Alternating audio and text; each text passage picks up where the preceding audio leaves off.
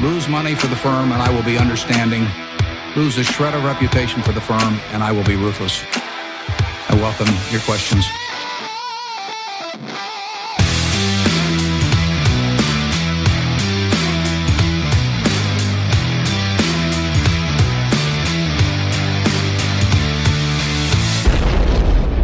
Hej och hjärtligt välkomna till Kvalitetsaktiepodden. Det är jag som är Ola. Jag som är Marcus. Och det är jag som är Klas. Det här är avsnitt 126. Spelas in onsdag den 28 september. Mm. Men släpps då natten till torsdag den 29. Mm. Nu är vi tillbaka. Vi körde ju det ett tag och jag tror det kan bli mycket så här framöver. Mm. För att slippa de här panikklippningarna här. För att, för Ja. att komma ut efter börsstängning då.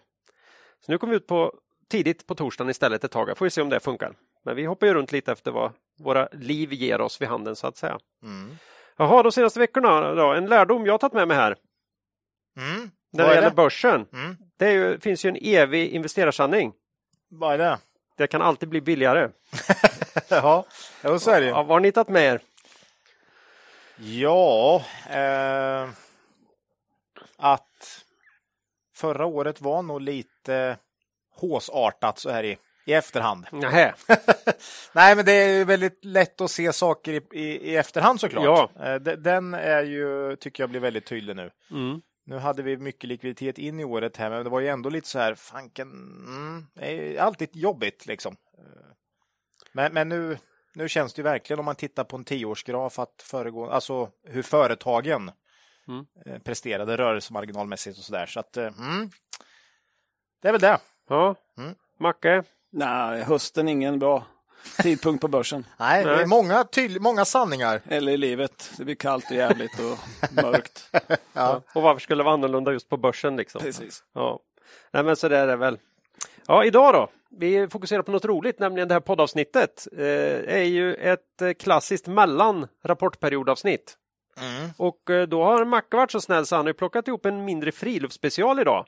Så är det. Och då skulle man kunna tänka sig att jag och Ola mäktade med att, att anknyta till den på ett bra sätt. Det gör vi alltså inte. Nej. Även om Ola Jag hade ska en- försöka en- armbåga in. En krystad. Ja, vi får se om den kommer här Ja. sen igen då. Mm. Eh, annars då, Ryssland fortsätter ju sin vidriga, vidriga aggression i Ukraina. Ja, det Vi uppmanar alla, nya turer. Ja, nya turer hela tiden. Kommer lite närmare nu här. Mm. Vi uppmanar alla som har möjlighet att skicka ett bidrag eller bli månadsgivare till någon seriös hjälporganisation med verksamhet som stöttar Ukrainas hårt prövade och tappra folk. Mm. Ukraina, vi ser och vi glömmer aldrig.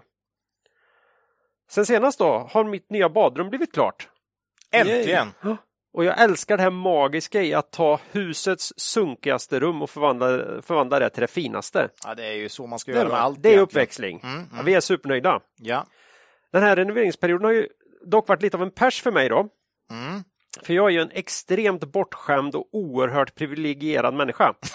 Ja. Så i normala fall så har, jag alltså, har vi tre badrum och två duschar i villan där jag bor. Mm.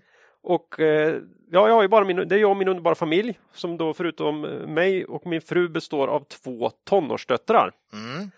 Och att gå från, två, eh, från tre till två badrum, Mm. Det innebar en, en smärre chock för det var hela... en, det har ju varit jobbiga må- den här senaste månaden varit jobbig va? Mm, mm. Vardagsmorgnarna. Nu är de så stora också så alla ska upp samtidigt.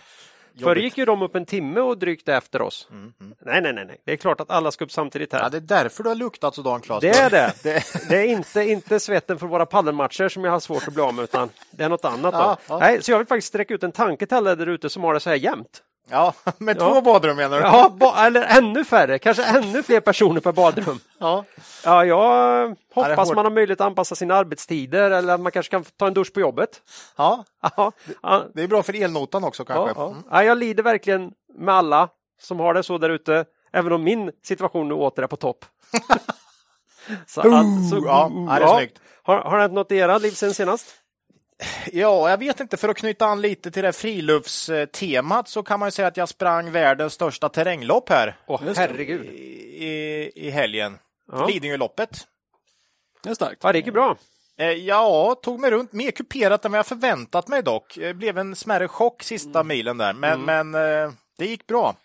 Eh, idag fyra dagar senare är väl egentligen första dagen som benen känns okej dock. Det har varit lite cowboy, Stuk cowboystuk här ett tag.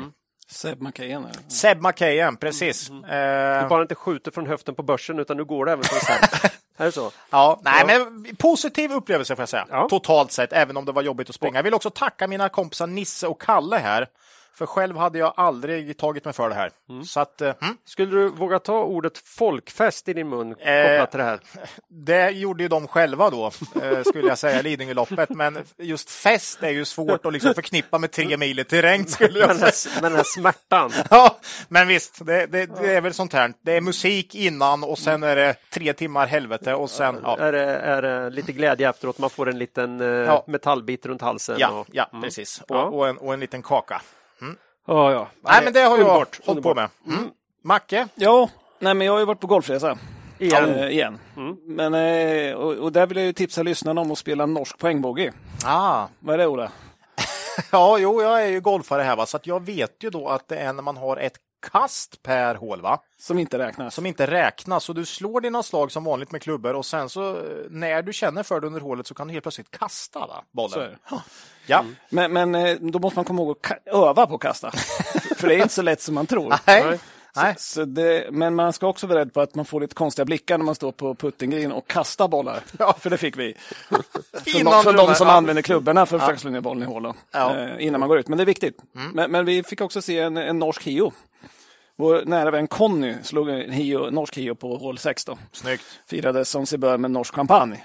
Kommer du ihåg den då? Norsk champagne, det är väl vitt vin och sodavatten va? Är det ja? ja. Precis så. Så det är så man firar efter en runda norsk.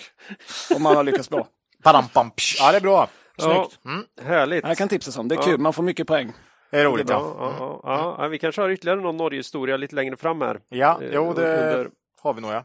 under det här avsnittet. Mm. Jaha, eh, vi pratar om lite oroliga börstider här. Några som håller huvudet kallt oavsett vilka börstider det är. Vet du vilka det är, Ola? Ja, det är ju Cavalier. Ja, Peter och Håkan. Mm. För vi har ju som vanligt med oss vår huvudsponsor Cavalier AB här idag. Såklart. Och en titt på Morningstar visar att Cavalier Quality Focus fortsatt är topp 5 bland fonderna i sitt jämförelseindex. Mm.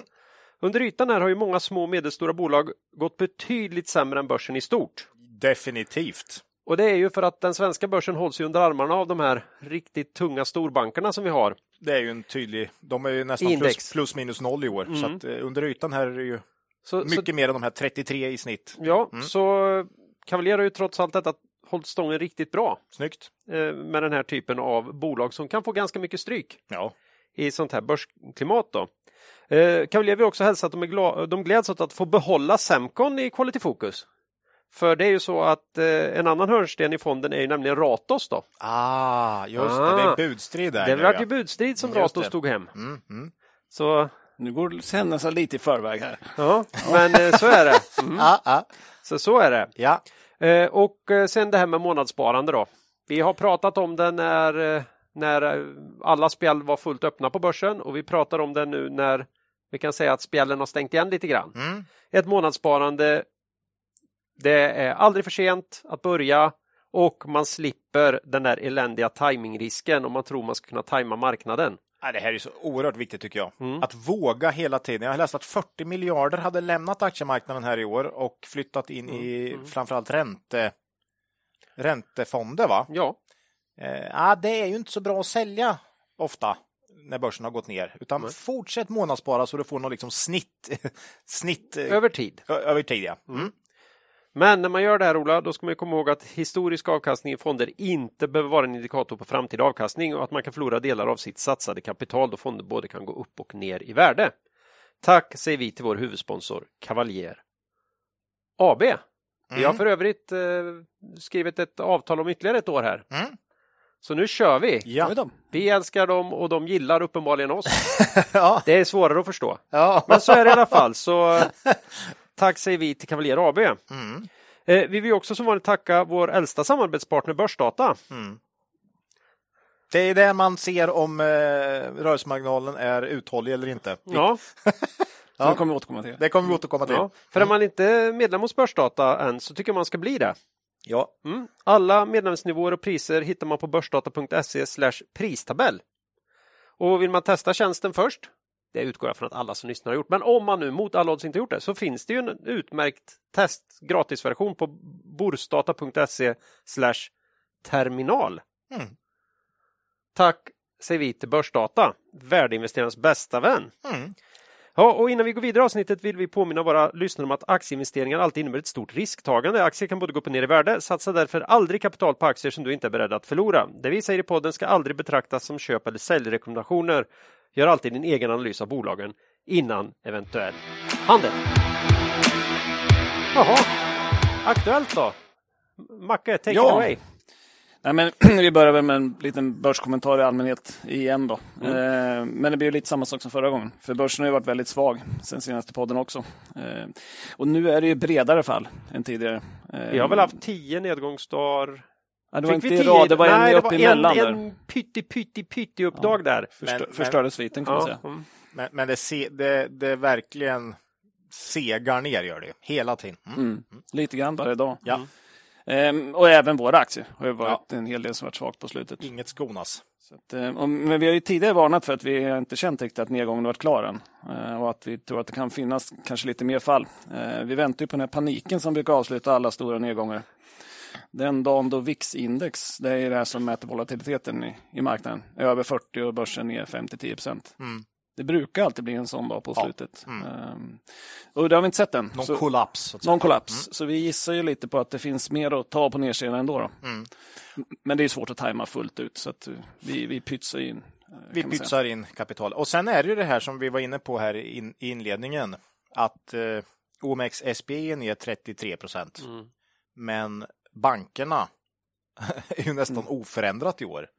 Så kollar man liksom snittbolag på small och mid cap så är det, näst, det är ju som 40-50 procent ner. Mm. Mm. Liksom. Så, så kollar man så, då är det ju en, det är ju en krasch. Är det, ju. det är ju inget snack om det. Mm. det. Det går inte att hymla med, utan det är Sen vet ju lyssnare av den här podden att vi har tyckt att det har funnits en del att, att ta ut. Ja, först ner till någon mer normalt, Mm. men så vet vi också det här att det slår ju ofta över då, för marknaden ska ta ut något sämre scenario framåt och, och då vill man ha en, en säker Mm. botten liksom på något sätt. Så att eh, det kan ju ofta pendla över då, Mm. så att det blir riktigt billigt eh, Absolut. istället för som det var på toppen kanske riktigt dyrt då.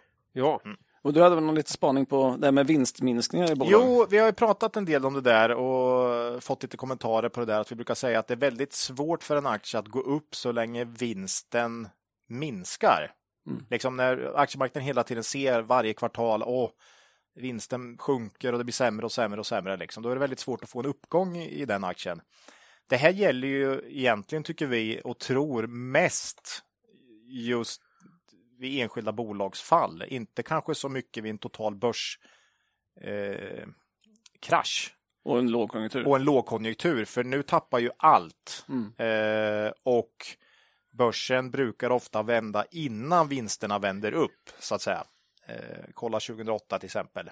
Mm. Eh, det vände vid årsskiftet 28-29, men första kvartalen 29 var ju inte alls roliga. Man brukar säga att psykiska bolag vänder ofta med höga, Höga P tal och går ner, börjar gå ner när de har låga P tal. Eller till och med förlust. Eh, förlustår då, eller kvartal. Så att eh, här är det ju så att man nog säkert som vanligt eh, faktiskt ser botten innan vinsterna vänder upp här igen. Eh, så på börsen i stort så att säga. Så lite annorlunda nu eh, än vid vanliga situationer där det verkligen brukar vara stenhård korrelation mellan vinstökning och, eh, och eh, att, bo, att aktierna, eller eh, kursuppgång och vinstminskning inte går ihop så att säga. Och vi har väl fler bolag i, där vi nu tror att vinsterna kommer minska, men vi tycker ändå det är tillräckligt. Ja, vi har ju börjat köpa en lite, vi har en ganska bred portfölj, men vi har ju börjat köpa en del så att säga där, man, där vi garanterat tror på vinstminskning Mm. kommande kvartal. Får vi se. Och på tal om eh, nedgångar då, så Mm. hade ju DN en artikel den 13 september, eh, intervju eh, som var bra tyckte jag med Magnus Angenfelt som driver en hedgefond, men som är mer känd för författare, eh, som författare till boken Världens 99 bästa investerare. Eh, kan vara bra att läsa. Inkluderar legendarer som Peter Lynch och Warren Buffett och så vidare. Men han går igenom vad som ligger bakom framgångarna då, eh, för de här investerarna. Eh, tittade bland annat på varför de avkastar bättre än index och kom fram till att det primärt var inte de stora vinsterna, liksom massa homeruns, utan det var ju att de hade frånvaro av stora förluster. Eh, och han hade fem råd som jag tyckte var, vi kunde ta upp, Mm. värda Ja. att upprepa i såna här tider.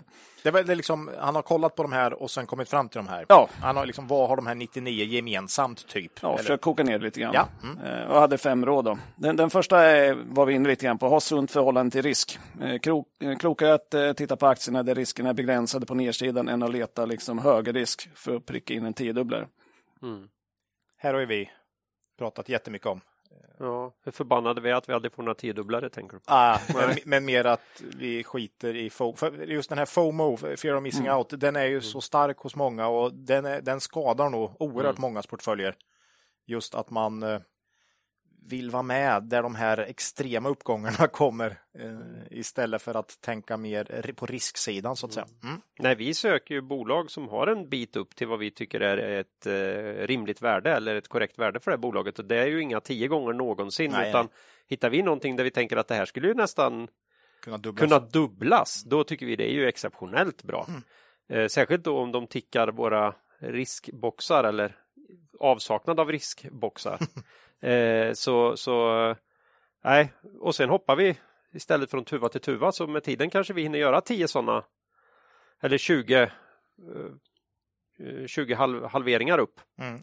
Medan de andra då håller på och kämpar med sina gånger 10 bolag då. Mm. Mm. Det, det är inte så svårt att se att det finns aktier som kan ha större potential än en del av de vi sitter på. Nej, nej, nej. Men- man ser också att risken i många av dem är mycket större. Då Precis. försöker vi välja dem med lite lägre risk. Mm. Bra synpunkt. Eller bra... Så, så den gillar ju vi eftersom den gick i linje med vad vi tycker. Ja, det brukar vara så. Ja, Never lose money. ja. Mm. Never lose Eh, money. tvåan, köp bara där du förstår. Låter självklart men många hamnar ändå i aktier och investeringar, ja, till exempel krypto eller någonting annat som man inte riktigt förstår sig på. Mm. Ja, det brukar ju vi prata mycket om. Såklart, just det. Ja, Det- vi, vi försöker ju hålla oss inom någorlunda de sektorerna som vi känner att vi ändå har lite koll på. Råvaror och Mm. bolag som vi inte alls känner att vi kan ha koll på. Mm. Men det, det innebär ju inte att vi på något sätt är skyddade i en sån här eh, Nej. marknad som är nu. Nej. Men eh, vi, vi har ju en trygghet i att ja, så länge världen inte upphör att vara hyggligt som vi känner den så kommer de här bolagen ha en god chans att komma tillbaka. Jo, men så är det ju. Men vi kan inte säga om det blir på ett år, tre år eller kanske till och med fem år. Och, och, och när man säger att vi, vi nu köper bolag som vi är ganska säkra på kommer tappa vinst kommande kvartal, så är det för att vi säger att jo, men eh, liksom dörrar och fönster kommer behövas om fem år också. Mm. Eh, eller vad det nu är. Eh, så, så att eh, då är det ett annat tidsperspektiv snarare, Mm. är det ju. Eh, Och nästa, nästa punkt knyter lite an till det där. Den heter ju då Gör din egen analys. Eh, Lyssnar man bara på andra kan det vara svårt att få kunskap om bolagen. Eh, kunskap som behövs för att hålla i en aktie i en nedgång. Just exempel. det. Och det är ju nog det viktiga där. Mm. Eh, att just eh, våga hålla i om, det inte, om inte aktien går upp. Utan när det går ner, som Peter Lynch tar det här med en aktie som han ringer sin mamma och sen köp nu liksom. Eh, han tycker det är så jävla billigt. Sen går det ner eh, 9, 8, 7, 6, 5, 4, Mm. T2 är aktien nere i. Och han håller fast, köper mer för Mm. att han, han vet. Men om du inte har en aning om vad det är du äger, hur ska du veta då när du ska sälja? Ska du sälja 60 procent ner eller? liksom. Eh, Så att oerhört viktigt ju. Och att i det läget fortsätta köpa Ja. fast man inte har några pengar kvar. Ja. Det, är, det är svårt. Om det är svårt. ja. Då ska man ha gjort egen analys. Och Det här är kanske säker. ingenting vi egentligen rekommenderar i Nej. en enskild aktie. Men Nej, men, men, Men du ska ha känna- koll. Du ska veta vad det är du äger så att säga. Samtidigt tycker vi det är lite skillnad om bolaget går ner på egna meriter. Att man kommer med information som är lite sämre än vanligt. Mm, eller om man går ner för en allmän stor börsnedgång. Ja, Vi är mycket mer benägna att köpa mer i en nedgång i en stor nedgång. Ja. Än om det vore bara bolaget som föll så att säga. ja precis. Nej, men om du har en bra börstrend och en aktie går ner Och på grund av sämre resultat från bolaget, då, då kanske inte det är så intressant. Ja, då brukar inte vi Nej. ner. Då säljer vi och Ja, köper något Ja, annat. för då, ja. Men just nu så går ju nästan allt ner. Så att, eh, mm. Så det är lite skillnad. ja, stor skillnad. Fjärde punkten, spela på hemmaplan. Alla har något område som de kan bättre. Eh, kan ju vara kunskapsmässigt eller geograf- geografiskt. Ehm, och eh, om man inte håller sig inom det så är det lätt att man hamnar i någonting man inte förstår. Den är ju ganska nära kopplad till tvåan, men vi gjorde lite mer koppling i geografi här. mm, Eh, vi har ju pratat om det att vi är ganska mycket i Norden eh, och inte så jätteofta utanför. Aldrig. nej. Och ganska mycket i Sverige. Mm. Eh, och efter nyheten idag, eller får man ta Ja, den här? ja, nu kan du ta Så är den. frågan om man ens vill vara i Norden. Ja, just det. Eh, Norge kommer och sätter en straffskatt på laxodling här. Eh, nu, nu är jag för dålig på norska så jag har haft väldigt svårt att reda ut själva pressmeddelandet men eh, svensk medias tolkning av det här, en sammanslagning av DI och Expressen och ytterligare några är väl att eh, man har ju fått jättehöga elpriser i Norge också, man vill ha in pengar till statskassan. Eh, då tycker man att energibolagen får pynta in men de ägs ju av, av norska staten. Då kastar man in några andra som utnyttjar eh, naturtillgångarna, nämligen lax laxodlingsbolagen och de är väl privatägda i stor, i stor utsträckning och lägger på 40% skatt ovanpå den ordinarie bolagsskatten på dem. Mm. Det är ju helt sin, så som det tolkas av den här media. Jag, jag vet inte om det är rätt eller inte men jag tror till och med DI tolkar det som att det blir 62% skatt på, på eh, laxbolagen här. Det känns lite konstigt för det verkar ju ändå vara så att man tycker att det gäller ju de bolagen som faktiskt odlar i Norge. Mm. Så någon slags koppling till huruvida de od- odlar i havet verkar ändå finnas här. För eh, Backafrost då som eh, håller till mestadels vid Färöarna, de gick ju upp på den här nyheten. Eh, För man tänker väl att pris på lax ska upp och de kommer inte träffas. Nej. Så, så det kan ju inte vara laxbolagen som sådana utan Men alltså vilken politisk risk som man inte hade en aning om och det här är bara i vårt Det verkar inte norrmännen Det är heller ha haft riktigt. För, Nej. för aktierna är ner 20 procent här. Men Ja, eh, Pareto hade räknat med sänkta vinstestimat på 15 till 30 procent och kurserna på eh, de flesta stora var ner 15 till 25 procent på nyheten. Så att det var ju en enorm eh, information som kom Ja. ju plötsligt. visst. så ja. Så att ja, det... Nej, Backafrost kanske dessutom inte har sitt huvudkontor i Norge va? De är, Nej, bara, nej. listade, de är bara listade på Oslobörsen. Jag, jag tror jag att är de är så. Ja, ja, färöiska. ja, ja. så att, eh, Nej, men då kan det nog vara så. Då, då tar jag tillbaka. Då kan det vara så att man pekar ut laxbolag som näring och säger att det är skitsamma hur ni gör det här. Jag tror Skatt ska ni betala. Jag tror fortfarande lyssna att de kan gynnas eh, om de andra måste höja priserna Jo, jo, jo. för t- för skatten och så vidare så, så får de Nej, men då kan det nog vara rakt över och det blir svårt att fly en sån skatt också då. Ja, fy bubblan. Ja, nej, så, nej, så det det, är det blir bara svenska bolag här nu framöver.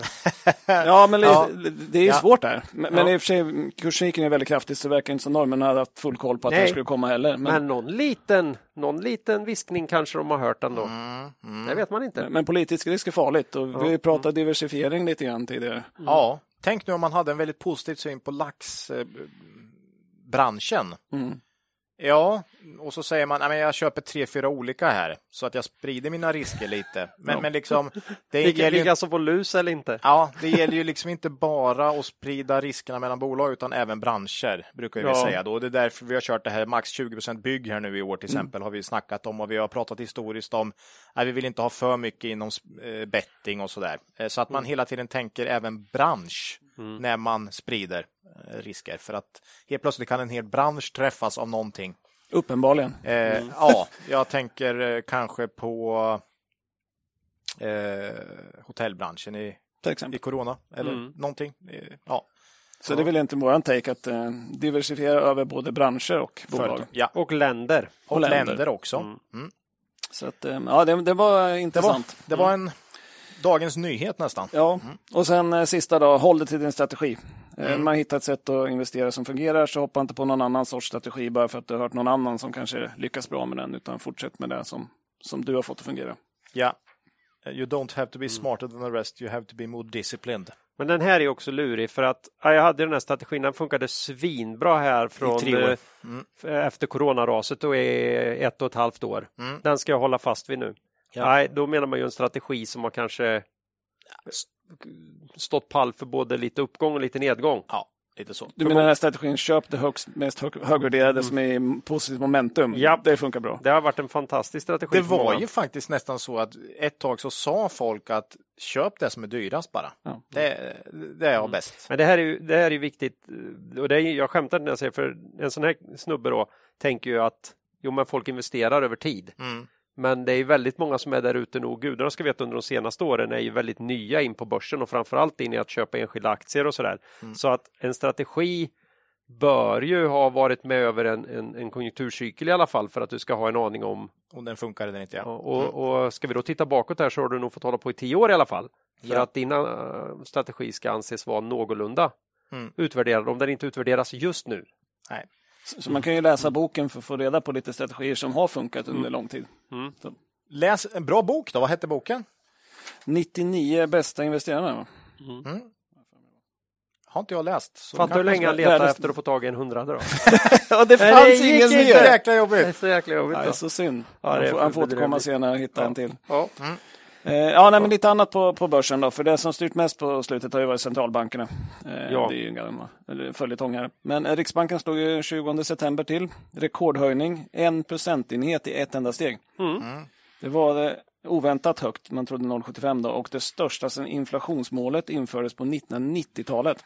Mm. Det är många av våra lyssnare som säkert inte ens var födda då va? Nej. Och det visar ju på hur extremt sena på pucken man är på Riksbanken. Vi har ju pratat om det tidigare. Du har ju skämtsamt kört det här med, med personalmatsalen på Riks... Ja, det, det, det tog till de höjde priset där. Då, då, då, Då- fattar de. ja, Det, det sammanfaller ju på veckan. Det är Ja, helt sinnessjukt. Det är ganska sjukt och det är ju såklart en slump. Ja. Eller? Ja, nej, men eh, vi har ju tagit upp det här också, men, men de bolagen som, som gick ner mest på det här beskedet var ju de med högst skuldsättning. Bland annat Sinch var ner 4-5 procent, stor, Snorskogen, eller Storskogen 13 ner. Nej, men det är det här, bolag med svag balansräkning drabbas ju hårdare av dels höga räntor men också svårare refinansieringsklimat. Liksom, att man har svårare att få in pengar om man behöver få in pengar. Så att vi, vi har ju tjatat om det. I en, I en eh, dålig marknad blir det fokus på balansräkning på ett helt annat sätt. Alltid. För, och först då på riktigt egentligen. Så därför kör med det här max tak på nettoskuld, ebitda och sådär. Eh, försök hålla koll på det. Och det kan vi ju säga, det har ju vi verkligen, nu har vi ju, eh, jag ska inte säga rensat ut, men vi har ju varit noga med att inte ha någonting som ska ha en svag Nej, nu har vi bara bolag som vi tror kan överleva någon form av kollaps. Mm. Även om vi inte hoppas på en sån såklart. Nej. Men, men, men sen kan man ju säga de här med svaga balansräkningar, om de kan undvika en emission på botten som späder ut aktieägarna kan de ju få en väldigt explosiv uppgång då. Mm. Ehm, så, så det har man ju sett. Ditt exempel med Hexagon där under. Och du har ju, jag skulle säga att du har med ett av dina bolag idag, är ett sånt. Som skulle kunna Som skulle kunna bli en sån extrem vinnare om de tar sig ur det här eh, helskinnade. Det är en liten cliffhanger, men, men Ja. det är ju så att det är för tidigt nu att avgöra vilka de här bolagen är. Tyvärr ja. Så, att det, Och det är därför marknaden slaktar dem så dåligt. så undvik svaga balansräkningar tills vidare, säger vi. Ja. Eh, Ytterligare värt att nämna på, på Riksbank är ju amerikanska Fed. Då. Eh, 21 september slog de till med en räntehöjning på 0,75. Det var väntat besked, men de hade en högre räntebana än vad marknaden hade förväntat sig. Higher for longer, som de sa. Lite klatschiga sådär. Eh, Det gillas ju inte av placerare som handlar ner börsen rejält. Eh, Personligen har jag lite svårt för de här, eh, varför man har så mycket mm, förtroende för de här räntebanorna. Tittar man historiskt sett så finns det ju en extremt liten korrelation mellan vad man har trott på centralbanken och vad facit är. Och det är ju trots att man själv är facit. Det är ju ganska fascinerande egentligen. ja, det är ganska... Man sätter ju räntan själv. Liksom. Så att, eh, men, men problemet är, vi vet ju nu inte om det blir högre eller lägre än räntebanan och så vidare. Eh, Och det vet inte vi heller, så vi lägger inte för mycket kraft på att fundera på det, som vi brukar säga. Nej, Nej, men alltså, de är ju till och med öppna med rätt ofta att de ser räntebanan som, också, som ett annat verktyg. Mm. Och då blir det ju inte speciellt trovärdigt. nej. Nej, säkert inte när Nej. de varit så lite överensstämmelse med hur det har blivit. Liksom. Ja, okej, ni ser, så det ni säger nu att när ni har en hög räntebana här så säger ni att vi lägger den för vi hoppas inte vi ska behöva höja så här mycket. Hur trovärdiga blir ni då? Nu har ni låg för att ni önskar att ni inte ska behöva höja. Hur trovärdiga är ni då? Det är inte alls ju så att... Ibland känner man också att de eh, mer hotar med något för att få ner Ja. folks, för att folk ska på något sätt i medvetandet få in att eh, Nu blir det vi- tufft. nu blir det tufft Mm. och det, så får de ner inflationen. Ja, men det, det är exakt samma. Ja. Det var ett bättre sätt att säga det på. Ja. Mycket bättre sätt Mm. att säga det på. Ja, vi, vi får se, vi vet inte. Nej. Men Vi, vi, man får... Vi, har inte vi koll på vad räntan blir? Jag vet dock Om att, du vet det kan du Och ändå berätta. vågar vi vara på börsen. jag visste dock att orimligt. seken inte skulle tappa mot dollarn här. Nej, det visste jag inte. Och, och det har den gjort också. Ja, det har gjort Ja, en del. ja. Nej, Ränta och valuta är svårt, det lämnar vi till någon annan. Det att brukar vi säga. Ja. på. Mm. Eh, avsnittets iGaming blir igen Kindred då. Ja. Men inte lika kul den här gången. Då, Nej. för nu är det den här norska spelinspektionen, Lotteritillsynet, Mm. eh, som är igång igen och gjort verklighet av det hotet att utdöma vite mot Kindreds maltesiska dotterbolag Tranell. 1,2 miljoner per dag Från och med den 5 oktober. Och från och med 5 oktober. Eh, totalt då så hotas man på vite om nästan en halv miljard svenska kronor. Det är ganska mycket pengar. Eh, om man inte slutar erbjuda spel i Norge då, som, som tillsynsmyndigheten säger. Och det här beloppet har man då beräknat på vilka intäkter som man, norska myndigheten har uppskattat att man har i, i Norge. Då. Ehm, ja, den minnesgode kommer säkert ihåg att den här frågan var uppe i podden den 15 februari i år, när hotet presenterades. Då. Eh, så det är inte nytt. Det som är nytt nu är att det kommer ett besked då, att man har beslutat att utdöma det här eh, från 5 då, eh, oktober. Eh, vi är ändå lite förvånade att det föll 7% på nyheten Mm. i och med att det varit uppe tidigare då, så att säga. Ja, och för det första så är det ju ingen, det är ju ingen, inget bötesbelopp än. Nej. Men det är ju om de, från och med den femte om de fortsätter så hävdar ju då, nu hävdar ju Kindred då att de ska att, Ska de inte, överklaga. att de överklagar det här, att det här inte är liksom enligt EU-praxis då. Mm. Eh, så vi får väl se. Dessutom är ju inte Norge eh, någon form av jättemarknad tror jag inte. Eh, visst, det kan vara ganska bra lönsamhet eh, såklart, men eh, det är väl inte en eh, jättestor del av omsättningen ändå. Men, men visst, eh, positivt är det ju inte, men än så länge har vi ju inte sett sista, sista saken här tror jag. Nej. Nej, det är ju jättespännande att se om de ska, ska komma undan med det här i Norge eller inte. Nej, för det är Det- fortfarande, jag tror, är det något land som har kommit undan med det innan, att behöva eh, liksom, bötesfälla utländska bolag? Jag, jag tror inte vad jag vet inom spel, Jag är osäker. utan det är ju de som har en, en licensförfarande för privata bolag. Där kan du ju utfärda vid, för då har du skrivit på ett kontrakt ju. Liksom. Eh, som Kindred fick böter i Sverige va, och sådär. Kindred eh, sa ju det att vi har ingen verksamhet i Norge, utan vi accepterar bara kunder som hittar dem här på Malta. Ja, Det var lite kul. sagt. och det är ju det som är hela grejen. Och det är därför de har varit på Malta. Så att det, ja, Norge försöker något här som, som ingen har gjort innan tror jag. Vi ska ju inte låtsas att Kindred är Guds bästa barn här. Nej. Absolut inte. Det vore bara fånigt, men alltså de är ju inte i när, närmast så fåniga som norrmännen är när deras alltså, statstjänstemän sitter och säger att ja, de, eh, klar, Kindred klagar på att det finns massa olicensierade i Sverige Mm. och att det är hårt för dem. Eh, och sen så beter de sig likadant som de olicensierade i Norge. Ja, men Kindred skulle ju ta en licens direkt om Norge bara erbjöd Det är den. en licens, ja. Mm. Det är så jäkla, det är så jäkla fult. Ja, Alltså att privata bolag håller på och fular sig, ja Mm. det, ing, det ingår i att ha ett organisationsnummer här men det här är ju staten ändå. Det Mm. är ju lite, lite magstarkt. Sen har Kindred också då en, en uttalad profil att försöka play by the book så att säga. Och, och, och ta, vara på reglerade marknader, Sedan en, betala, tid, sedan en tid tillbaka ja. får man säga. Ja. Mm. Betala skatt och de ska upp till 90 procent reglerade intäkter och sådär. Så att, De har varit samma guldgrävare som alla andra. ja, precis. Vi får se vart det slutar. Ja, Men, det är eh, överklagat, eller det ska överklagas. Men, men bäst vore väl om Norge gjorde som de flesta andra länder och reglerade marknaden istället. Ja, som Danmark och Sverige. Och Sverige, till exempel. ja, precis. Men vi får se vart det slutar. Än så länge inga pengar eh, Ut. ut, i alla fall för Kindred. Men vi får se. Eh, sen vi har ju flera gånger i podden pratat om den här nationella upphandlingen av bemannings, för, bemanning för sjuksköterskor och läkare till eh, regionerna i landet. Då. Eh, och den här upphandlingen avbröts ju 14 juli, eh, men nu har en ny tidsplan presenterats. Då. Eh, I november ska upphandlingen annonseras. Eh, Samordnaren säger nu att de flesta delarna av underlaget som låg till grund för den tidigare upphandlingen kommer användas i den nya upphandlingen. Då. Han sa vidare att det kommer inte bli några nya dialogmöten med branschen för att man vet redan vad de tycker. Jo, okej. Ja, det är sådär tyckte jag. Eh, planen är nu att avtalsstart ska vara i mars 2023.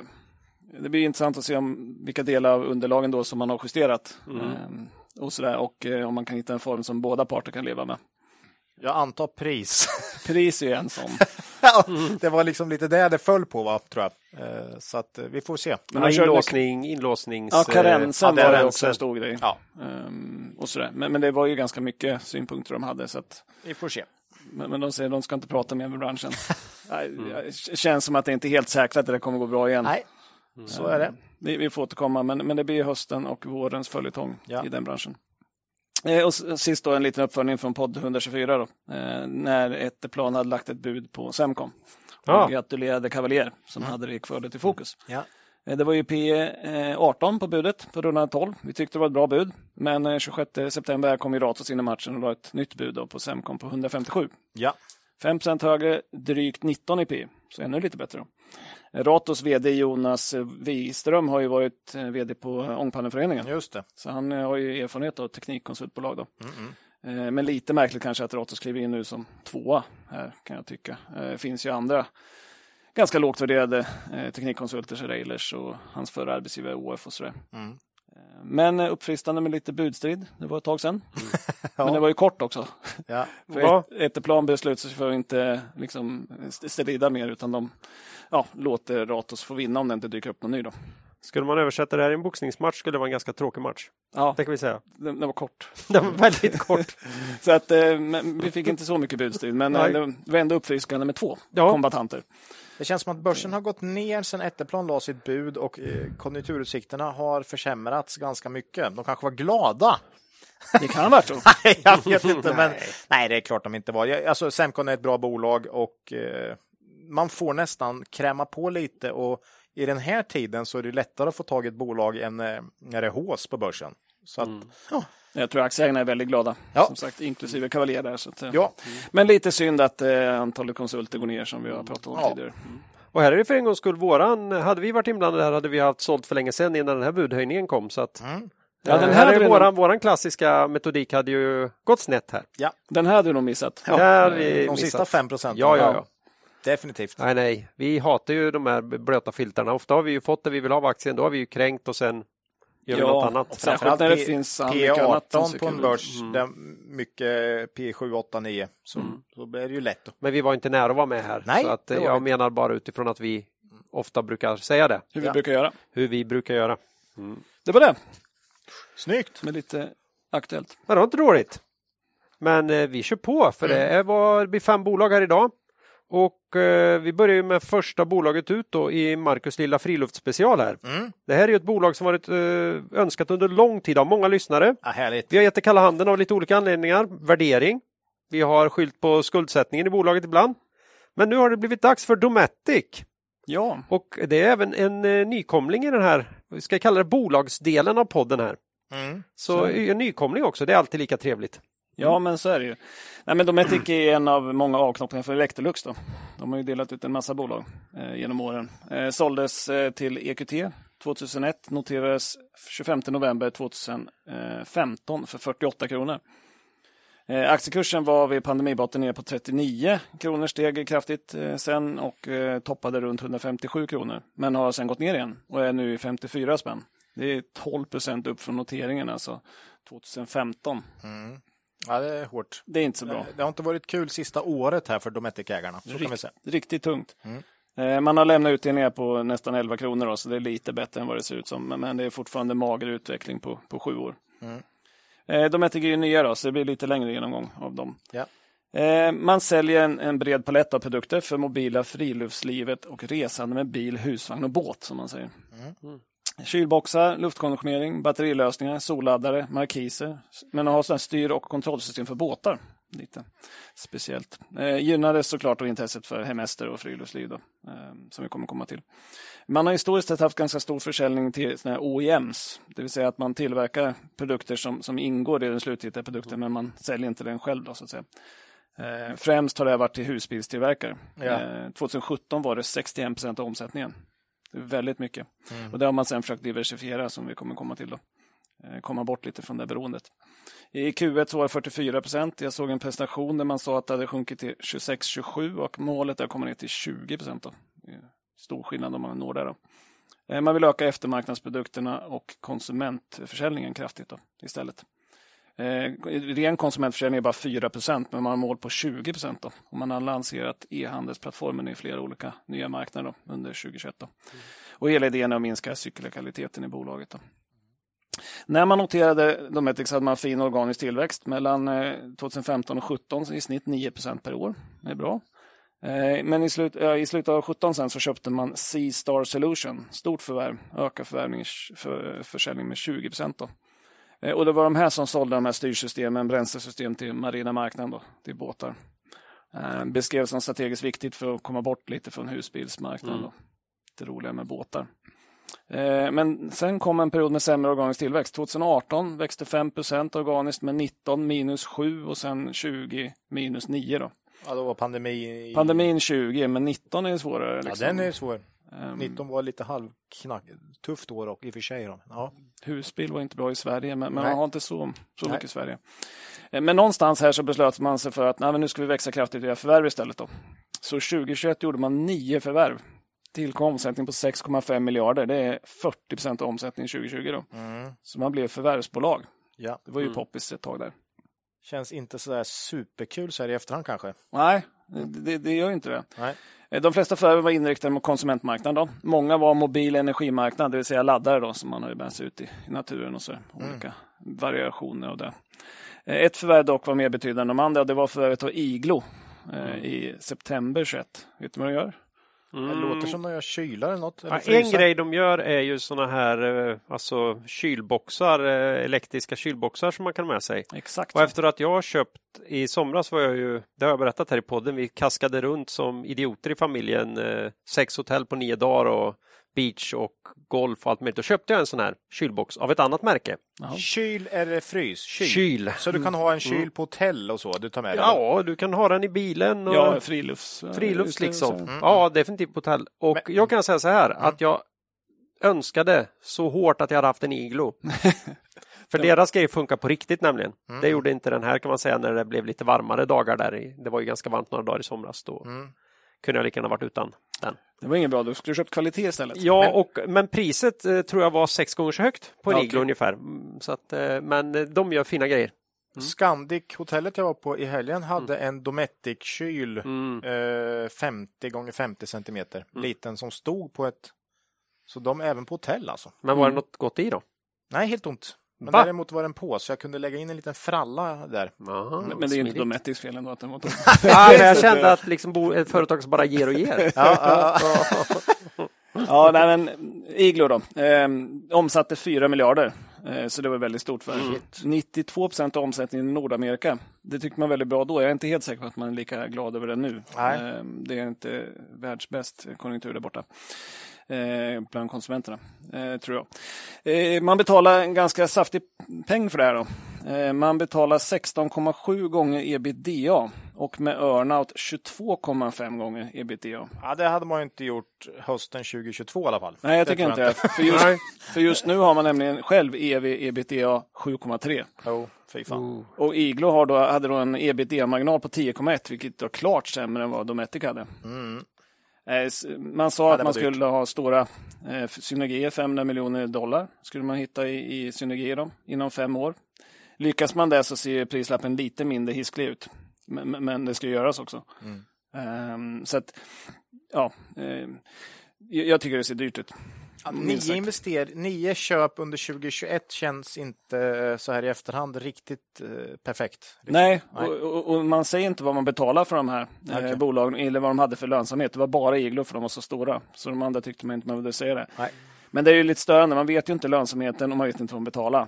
Eh, och precis som du var inne på, jag menar, 2021, liksom, det var ganska många bolag där ute som var ute och köpte bolag. Mm. Eh, och så säger man inte vad de betalar. Det får man ju tro att man betalar ganska mycket. Balansräkningen har vi fått sen. Eh, En, en uppsida man tänker sig här eh, med Iglo är ju att ta det ordentligt till Europa då. Så Mm. är det 92 procent av försäljningen i, i Nordamerika. Det är ju också lite halvkämpigt om man tittar på vissa dollarkurser. Mm. Så det är ju inte timingmässigt kanske så där. Ja, de, de var dyra innan de där grejerna. Mm. Eh, För en svensk konsument så har de ja, Ja, det blivit, vet ju du nu. Blivit, ännu, blivit ännu dyrare kan man säga. Mm. Eh, För att finansiera det här då, så gjorde man några vältajmade transaktioner ändå. Eh, om man, särskilt om man tittar på det gått sen. Eh, 2 juni 21 gjorde man en riktad emission, 23 miljoner aktier till kurs 141 kronor.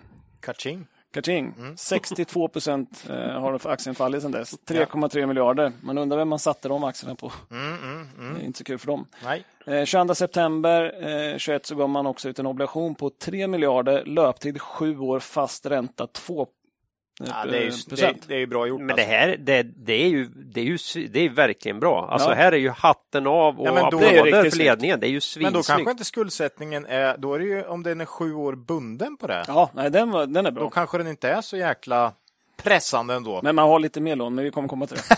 Aj. Men just det här var ju riktigt snyggt. Det här var sugar on top. Både bara. emissionen och eh, det här lånet var ja, väldigt det är snyggt. Det är snyggt. Eh, Man har ett intressant mål som inte jag har sett för ett innovationsmål, 25 procent. Vet ni vad det är för något? Innovation, man ska komma på nya prylar Ja. som eh, tar marknaden med storm. Som omedelbart blir 25 procent av omsättningen. Det låter ja, men 25 procent av försäljningen ska komma från nya produkter. Ah. Jag är lite osäker på exakt Hur gammal är en ny hur, hur ny den ska vara. Men, men man har i alla fall ett mål då för att man ska... Ky- kylskåpet räknas inte som en ny produkt längre. Det, Det bal, balsar... Om du, om du designar om det lite. Kanske. Ja, nej, men jag tyckte det var lite intressant ändå. Ehm, man klarade 2021, då hade man 26 procent. Och här har man då lite grejer på gång då. Mm. Mattransporter från restaurangen till hemmet. Känns lite så här corona-pandemi-utveckling då. Men, Mm. men man ska komma i alla fall med nya produkter. Eh, tänk Foodora med mer avancerade då. Ja. Så att det inte är de här väskorna utan lite mer, Mm. lite bättre grejer. Eh, det är så här, låda på magen, det är så här, en kyl på ryggen istället. Kyl på ryggen. Ja. Med lite mer avancerade lösningar då. Ja, ja. Eh, sen tror man även att man har en, man, man tror att det kommer omsätta eller kan potentiell försäljning på en miljard inom fem år. Då. Eh, sen tror man också på ökat intresse för crossover mellan husbil och vanliga bilar. Så man tar fram massa lösningar som man kan ta ut i naturen, personbilen. Då. Tältlösningar, eh, kylarlösningar, portala laddboxar och så här. Eh, och då tror man att man ökar den adresserbara marknaden från 15 miljoner fordon till 300 miljoner fordon. ja. Det är ju sånt som man gillar att se på en powerpoint, att man ja får det är en, fint. en ökad TAM. Total addressable market. Exakt. Ja, den där, den där känns ju lite svår, gör den inte det? Det är ju en intressant marknad, men, men är den lika... Spenderar man så att säga lika mycket på, på sin eh, tältförsedda familjekombi som man gör på sin husvagn eller båt eller, Jag vet eller inte, sin de- de- husbil? De som är väldigt sugna på liksom den typen friluftsliv kanske köper en Ja. husbil eller husvagn istället. Liksom. Mm. Men Ja. jag vet inte, det blir spännande att följa i alla fall. Eh, De delar in verksamheten i fem segment. Eh, Ta lite snabbt då från, från Q2. Men man har Europa, Mellanöstern och Afrika störst med 27 procent. Amerikas 23. Sen har man något som heter Global som står för 23 procent också. Men det är nästan bara Iglo. Eh, Och eftersom de nästan bara är USA så är det lite konstig indelning tycker jag. Mm. Eh, Man har Marine som nästan eh, till stor del är C-star då, 21 procent och sen Asien 6 procent. Och det är ganska lika, men tittar man lönsamhet ser det ganska annorlunda ut. Där är Marine och, och Asien eh, överlägset bäst med ebitda-marginaler på över 25 procent. Det är ju riktigt bra. Eh, Europa, Mellanöstern och Afrika 15 procent. Men Global och Americas har alltså 10 och 8 procent. Och då kan vi komma ihåg att Global är ju Iglo då. Så att eh, i USA har man inte särskilt bra lönsamhet skulle jag säga. Nej. Och man sa att eh, det här Iglo-förvärvet spädde ut marginalen då på, på Global. Man har nya finansiella mål. Man hade tidigare eh, ebit 16 till 17 procent. Eh, men nu har man sagt nu ebit, ebita eh, 18 till 19 procent. Det är ungefär samma om man räknar historiskt. Då.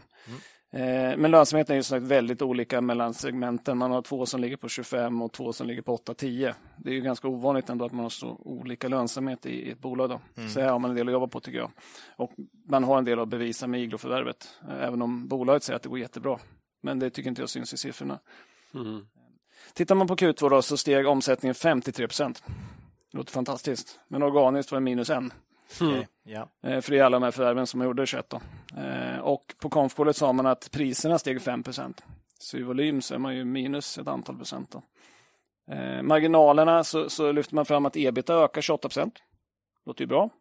Eh, Men marginalen var 15,7 procent från 18,6 procent. Så man tappar nästan 3 procentenheter. Och igen så säger man att iglo-verksamheten har utspädande effekt. Då. Vinst per aktie ner. Vinst per aktie har jag inte- faktiskt inte tagit med. Nej, nej. Eh, Jag tror ändå den var upp lite för Ja. det var, man, man, man lånefinansierar det här så att man ökar i vinsten i absoluta tal. Så att Ja, säga. ja. Ehm, sen- Men men ett lite jobbigt med, med, med Dometic är det här eh, omstruktureringsprogrammet. Man tog ett år 2019, sa att det här skulle spara 400 miljoner på årsbasis och varenda kvartal sedan dess har man tagit eh, jämförelsestörande poster. 14 miljoner i Q2. Eh, och man gjorde sen, sista åtgärden, man flyttade en fabrik i, i Tyskland till Ungern nu då. Vad tror ni man gjorde då i den här rapporten? När man nu var klar med det här stora nytt. Man gjorde ett nytt program. ja klassiskt. klassiskt. Så, så nu gjorde de ett nytt program. Det här nya programmet då spara 200 miljoner kronor till slutet av 2023. Nya engångsposter och Och då blir det engångsposter. Eller engångsposter, jämförstörande poster. Jo. Jag, jag kan inte kalla det engångs när de kommer i varenda Nej, rapport. bra, bra. Eh, Så, men, men jag tänkte att det var klart nu, men det var det visst inte. Utan då hittar man ett nytt program.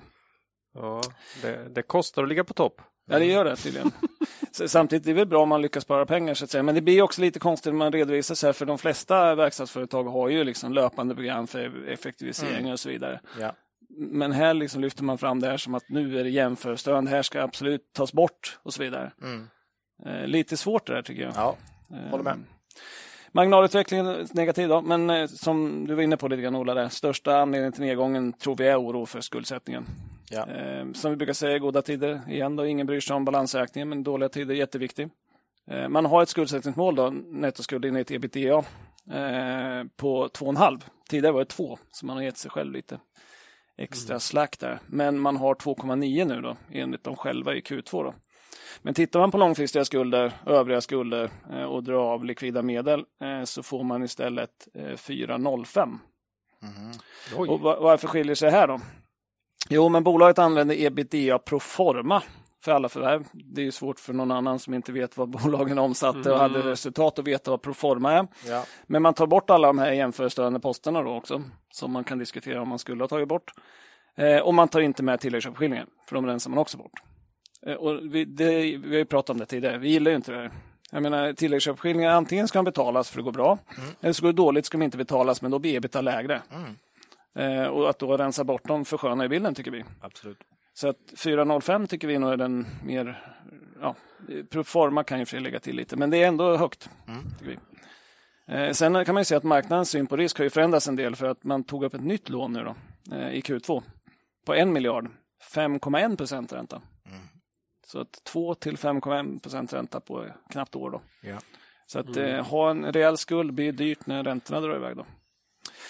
Insynsägande då. Ordförande Fredrik Kapelén har aktier för 47 miljoner och Johan Varkes har aktier för 40 miljoner. Han är Så- vd va? Han är vd. Eh, Så de har ju definitivt eh, pilotskola i bolaget. Då. Sen var det lite intressant. 19 transaktioner från insynspersoner i år. Hur många köp? Alla. Alla. Det är det? Ja, det är 19 köp. Eh, och vd köpte så sent som 22 september då, för 1,7 miljoner. Så att det är bra. Inga Eh, tvångsförsäljningar här inte. Inga tvångsförsäljningar och hade vi sett eh, försäljningar så hade det varit lite oroande. Men här tror man på, på, på en vändning. då. Mm. Man följs av 11 analytiker ehm, i bolaget. Då.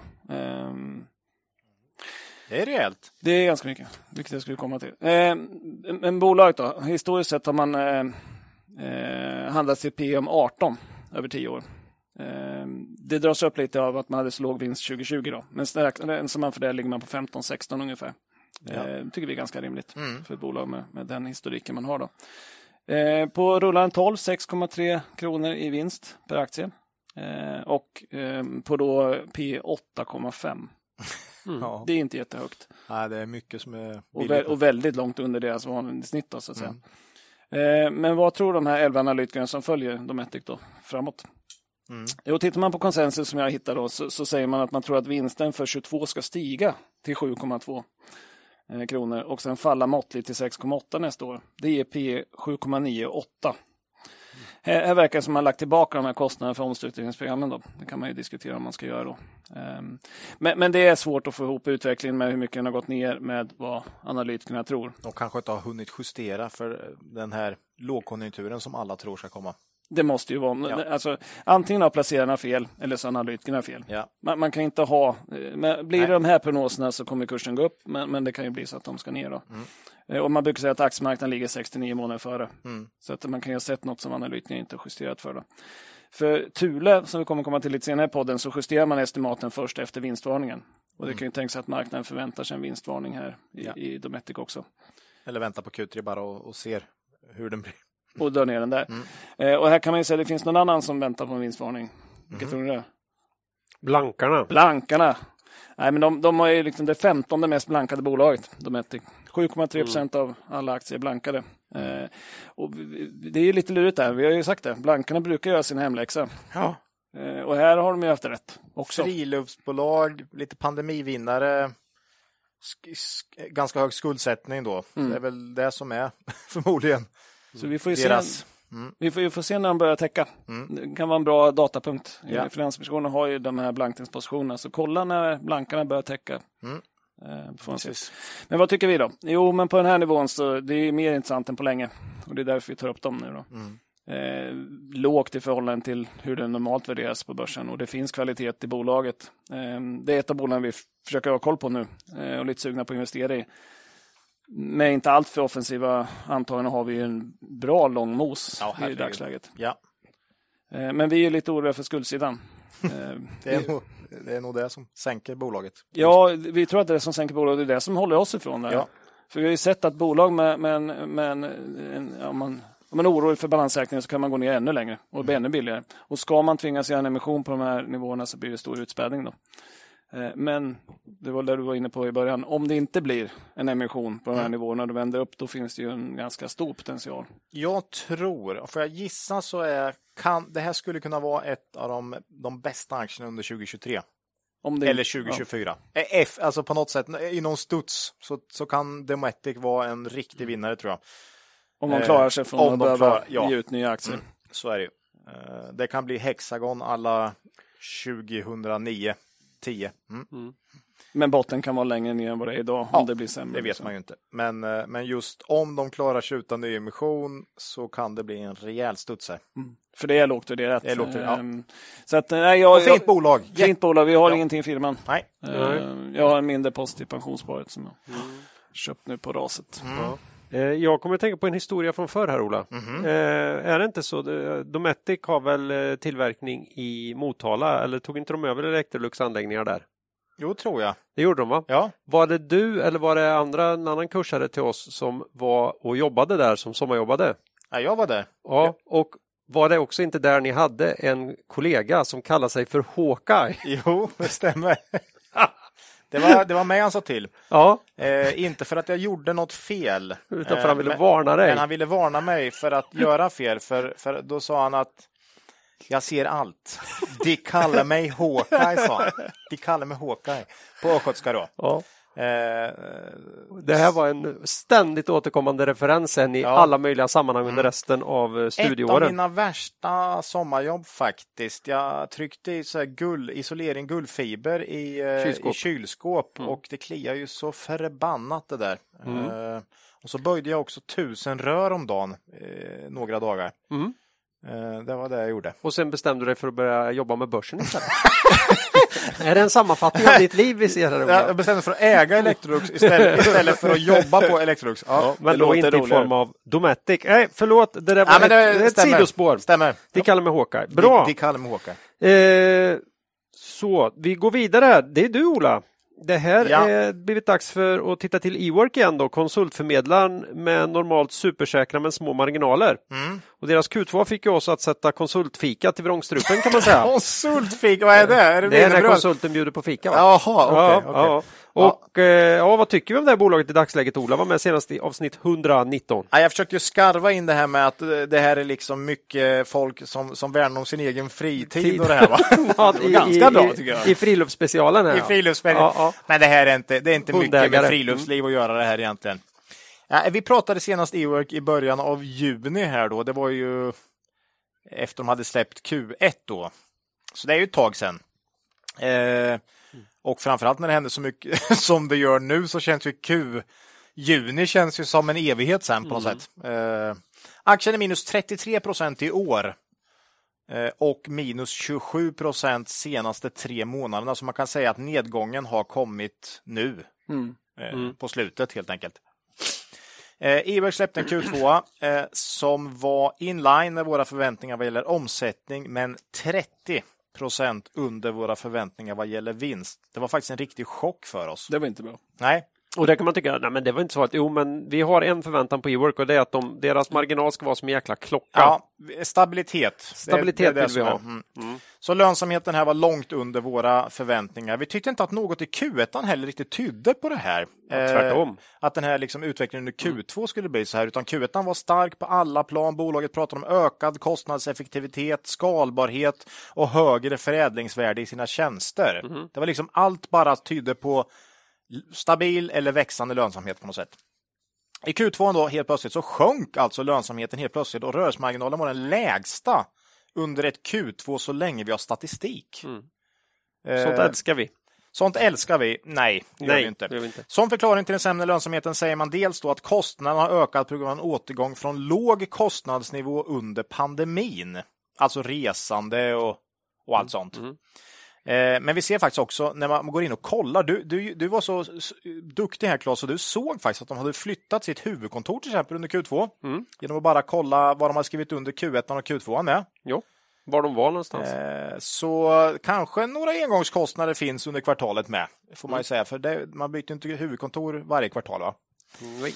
Eh, så, men, så det är ändå förklaring, lite, alltså ökade kostnader, en allmän ökad kostnadsnivå. Men dels säger man också att den snabba ökningen av konsulternas timpris på nya kontrakt leder till en utspädning av rörelsemarginalen. Och det här eh, var ju lite, det, det jäckade oss en del här. Ja, det var vi inte beredda på. Nej, Nej. Man kan säga att den första delen med ökade kostnader för återgång efter pandemin med mera är väl inte så mycket att säga om kanske, även om vi kanske inte riktigt hade trott att det skulle påverka så här mycket. Och Att att de det skulle skulle öka så och den mycket skulle öka så mycket. Det och var, så stor skillnad mellan Q1 och Q2 nej, också. det Men trodde man- vi nog inte. Okej, pandemin var eh, levande i Q1 på något sätt, men nej, det, det trodde vi inte. Men, men den, den kan man ju ändå förstå Mm. hyggligt. Men konsulternas ökade timpris, det tog oss verkligen på sängen. Ja. Eh, Att det fick så stor påverkan. Att det fick så stor påverkan. Liksom. Eh, och eh, Vi känner ju till att konsult timpriserna har varit väldigt konstanta under lång tid egentligen. Eh, och nu får man en, en rejäl skjuts och att de inte liksom har riktigt kunnat få igen det här eh, i sina avtal med kund. Då. Vi har väl pratat lite om att vi har varit lite oroliga för IT-konsulterna som grupp. Mm. Att, att vi tror att det kan bli en sån löne... Men vi har ju faktiskt vi har ju faktiskt trott och trott oss att belägg för att Ework kör med fasta procentpåslag. Mm, så och det gör man ju helt enkelt inte nej, fullt inte, ut. inte fullt ut i alla fall, Nej. tydligen. Eh, nu lyfter de ju fram den allmänna kostnadsnivån före timpriser, så frågan Mm. är om det ändå är mindre än, än någon form av allmän högre kostnadsnivå. Jo, men jag räknade ju på det Mm. eh, när den här kom och det var ju det liksom var alltså för att så, så länge man har ett fast påslag så att Mm. säga som har gett den gamla procentsatsen så är det ju vansinniga höjningar som ska till. Ja. Så det där är ju en mindre del av det måste vara en mindre del av förklaringen. Ja. Eh, ja, men frågan blir här nu, eh, vad händer med marginalen kommande kvartal nu efter den här eh, liksom, chocken då? EOR själva står fast vid utsikten här att rörelsemarginalen kommer bli högre 2022 än 2021 på helåret då. Eh, här var, ska man ju då veta att Q1 var ju ruggigt stark. Mm. Så även eh, om man liksom tappar marginal andra halvåret här jämfört med andra halvåret 2021 så kommer man nog ändå kunna klara det. Mm. Eh, så det är, bara för att man säger så så behöver det inte bli en marginalökning här under hösten jämfört med samma eh, kvartal året innan då. Eh, här blir ju Q3 väldigt spännande Mm. för att se eh, vad som händer med lönsamheten. Omsättningen var det ju inget problem med i Q, Q2. Eh, kollar vi estimat på Ework så har vi bara ABG här att hålla oss i. Efter Q2 sänkte ABG sina förväntningar på Eworks vinst per aktie med 11 procent för 2022 och 8 procent för 2023, det vill säga man drog ner även nästa år. Då. Eh, nu tror man på cirka 6,3 i vinst per aktie för 2022 och 7,1 för 2023. Alla prognoser för nästa år börjar kännas mer och mer osäkra och jag ägnar mindre och mindre vikt vid det. Eh, För det här tror jag, precis som vi egentligen, kommer få justera ner successivt. Så att man ska ta alla prognoser för 2023 tror jag med en nypa salt eh, just nu. då. Men om man tror på det här så är det P12 respektive P14 respektive P12. Och det är ju långt under det historiska snittet på P20 här. Eh, vi har inte sagt det, för vi har inte haft uppe E-work här, men vi sålde våra aktier i E-work i samband med rapporten för Q2. En del på rallyt som var innan rapport, det var ett ganska rejält ryck upp- uppåt innan rapport faktiskt. Någon säkert eh, spekulation om stark rapport, skulle jag tro. Resten sålde vi dagen efter rapport på vår eh, besvikelse över eh, lönsamheten och en osäkerhet i vad som kan hända med marginalerna kommande kvartal här.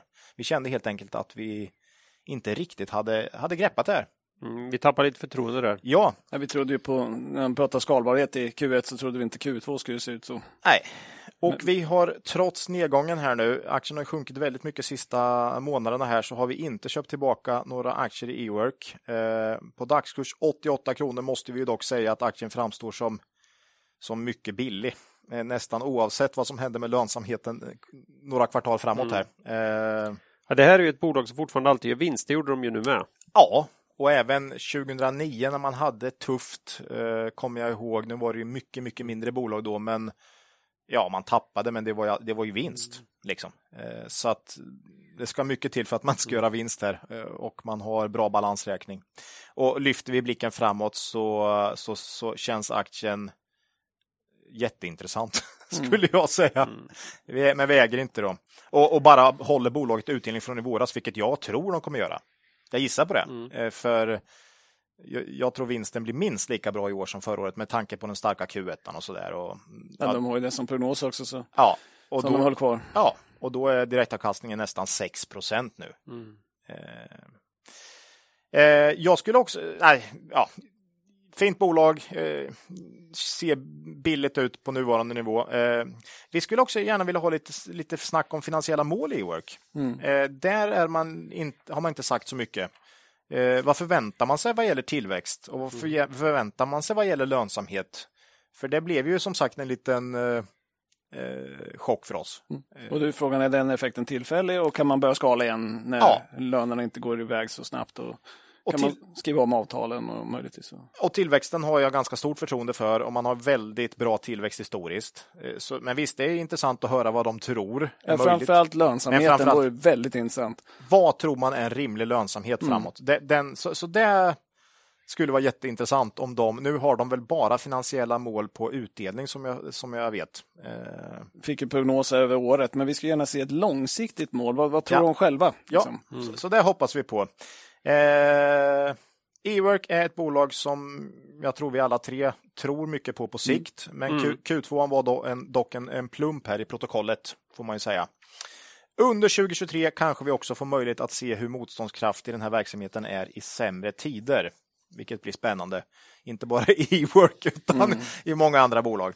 Eh, som sagt, vi äger inga aktier för tillfället här, men följer bolaget noga. Och det är många bolag vi följer noga nu, mycket mer än vanligt nästan. Mm. Just eftersom att mycket ser billigt ut. Då. Mm. Hoppas att de kommer tillbaks och jag tror de gör det, men vi fick som sagt en liten lite skrämselhicka här när Q2 släpptes. Här. Mm. Uh, ja, ja, det om e-work. Vi stannar jag tror där. jag har en slatt i pensionsspåret. Ja, ja, ja. det var bra du sa det, för det har jag med. Min son kanske har i något spar. Mm. Men... Mm. Det var e-work. Uh, nu då, Nordnet. Ja! Ja, idag har vi åter med oss vår sponsor Nordnet i podden. Kul! Och vet ni vad, det har blivit hög tid att prata Private Banking. Nordnets Private Banking-tjänst är ju ett helhetserbjudande för kunder som har minst 2,5 miljoner kronor i samlat kapital på Nordnets plattform. Erbjudandet omfattar allt från förmånligare courtage och lägre bolåneränta till tjänster inom skatt, deklaration och juridik. Man har ett dedikerat team som svarar på frågor och hjälper till med det praktiska oftast inom bara no någon eller några minuter. Det kan vi skriva under på. Det som skiljer Nordnets Private Banking-erbjudande från de flesta konkurrenterna är framförallt kostnaden. Istället för att ta saftigt betalt i både rörliga och fasta avgifter kostar det inte en krona att vara eh, kund hos Nordnet Private Banking. Man betalar enbart för de tjänster man vill och behöver. Det är både omodernt och osmart att betala onödiga avgifter. Det här är något som vi är övertygade om och det är Nordnet också. Mm. Så eh, de har tusentals kunder som har valt deras Private Banking-tjänst. Och vi är som ni har förstått naturligtvis eh, Private Banking-kunder hos Nordnet och eh, vi som handlar mycket uppskattar såklart de låga priserna här för tjänsten men inte minst de förmånliga eh, courtagen mm, ja. man kan komma åt här då. Eh, vi har av naturliga skäl inga bolån i firman men det har ju du privat Marcus. Ja, Nej, och jag har dem på Nordnet sedan fyra år tillbaka faktiskt. Mm. Funkar kanon. Eh, man har en eh, väldigt förmånliga lånevillkor. Eh, man har en trappa där räntan bestäms av hur mycket sparande man har hos Nordnet. Mm. Trappan är just nu från 2,40 till 3,79. Det är konkurrenskraftigt med tanke på hur mycket boräntorna har dragit iväg på slutet. Då. Sen Riksbanken höjde och sådär. En väldigt stor fördel då är att man får räkna in tjänstepensionen i sparandet. Då. Eh, och det är ju för många ganska mycket pengar mm. som man kanske inte tänker på att man kan utnyttja på det här sättet. Då. Och få räkna in dem för att få lägre bolåneränta. Då. Eh, annan fördel är att om man är flera personer som är låntagare då kan man räkna, eh, räkna ihop bådas sparande inklusive tjänstepension i beräkningen då, för att mm. komma bättre till trappan. Då. Så det är en mycket förmånlig tjänst tycker jag. Ja. Eh, vi rekommenderar ju alla lyssnare att själva gå in och läsa på mer på nordnet.se pb Private jag banking? tänker det kan betyda private banking här. Tror det. Ja, mm. ja vi, vågar, vi vågar nästan lova det. Det kan vara personal best också, om ja. man är idrottare, men här är det nog private banking. Private banking. Mm. Ja. Man kan fylla i formuläret där och få en personlig kontakt med private banking-teamet. bara för att känna lite mer på det hela. Eh, men som vanligt då när vi marknadsför finansiella tjänster och produkter vill vi lyfta att dessa både kan öka och minska värde. Det finns en risk att du inte får tillbaka de pengar du investerar hos Nordnet. Och eftersom vi även här då lyfte Nordnets bolån eh, som vid tiden för den här inspelningen har ett räntespann mellan 2,4 och 3,79 procent behöver vi säga att det totala beloppet att återbetala vid standardräntan utan rabatt för ett bolån på 1 miljon kronor och en återbetalningstid på 30 år blir 2 137 000 spänn. Där du. Eh, tack säger vi till Nordnet och deras Private Banking-tjänst. Så är det. Mm. Vi fortsätter vidare då eh, ut i naturen här. Eh, för, för, för de som helst inte bor i tält eller hyr en stuga då, när de är ute i spenaten, så har ju KABE en lösning för de flesta. Ja, det har de. I alla fall om de har gott om pengar eller kan låna pengar. Så nu undrar man ju hur ser KABEs möjligheter ut i den här nya ekonomiska verkligheten? Jag gissar att Kabe är kund till Dometic. Ja, det måste de. Det är de garanterat. Och de var med eh, senast i avsnitt 118. Ja, men precis. De var med efter Q1 eh, och då sa vi att vi är lite oroade över hur höjda räntor kommer påverka försäljningen. Då. Eh, och vi är lite osäkra på marginalutvecklingen för 22. Och då kan man fråga sig, har de här frågetecknen räknats ut efter Q2-rapporten? Då? Och då säger vi nja. För Kabe kom in med lite svagare rapport än vad vi hade gissat på rörande omsättning då. Men vi prickade nästan precis på marginalen. Eh, omsättning minus 7% 68 miljoner ner till 897 miljoner. Men tittar man på olika delarna så ser man att Adria tappade 18 eller 88 miljoner. Så att om man rensar bort Adria så växte resterande Kabe 2% Så det är lite stor skillnad mellan de olika delarna. Adria äger man ju inte. Nej, exakt. Nej. Det är bara återförsäljning. Ja. att, och man sa att Adrias försäljning hade begränsats i Q2 av leveransstörningar från fabriken i Slovenien. Då. Eh, och så skriver man att minskningen av registrerade husbilar till stor del är relaterad till eh, begränsning av leverantörsledet. Eh, vilket innebär att leveranser förskjuts till kommande kvartal. Och det låter ändå lite lovande inför, inför andra halvåret. Då. Resultatet plus 14 procent. Marginal fina 8,9 procent. Det är bästa marginalen i ett Q2 sedan 2017. Klart över femårssnitt på 7,7. Att marginalen blir så bra med omsättningen föll är ju rimligtvis för att det var Adria som backade. Precis som du sa så är ju, man återförsäljare, det är inte deras produkter, man har ju rimligtvis sämre marginaler eh, på, på återförsäljningen då, än när man säljer sina egna grejer.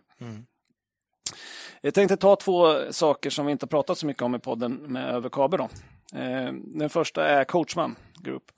Eh, 19 februari 21 så förvärvade man ju återstående 78,5 procent som man inte ägde tidigare. Eh, Under 21 så hade Coachman en omsättning på 513 miljoner, det är ungefär 16 procent av Kabels omsättning. Eh, Resultat efter skatt på 32 miljoner, är 3,5 kronor per aktie. Och det är ju värt att hålla i bakhuvudet om man jämför kabeln nu och historiskt. Då. Att man har faktiskt förvärvat sig till en, en, en, ganska stor ökning av vinst per aktie. Då. Det, det gjorde man ju liksom inte under lång tid. Nej, Men, men här smällde man ju till med ett rejält förvärv. och det här verkar ju gå bra. Mm. Eh, Så det är jättekul.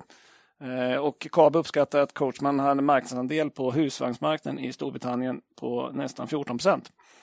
Och sen säger man själv, en tidig prognos är att man under 22 ska öka till 20 procent. Det låter ganska mycket marknadsandelsökning på ett Jo, år. verkligen. tycker jag. Eh, Coachman planerar också att göra entré på husbilsmarknaden. Då. 2020 skulle man göra det, men pandemin sköt upp det här till 2022. Då. Tre husbilsmodeller kallas Travel Master.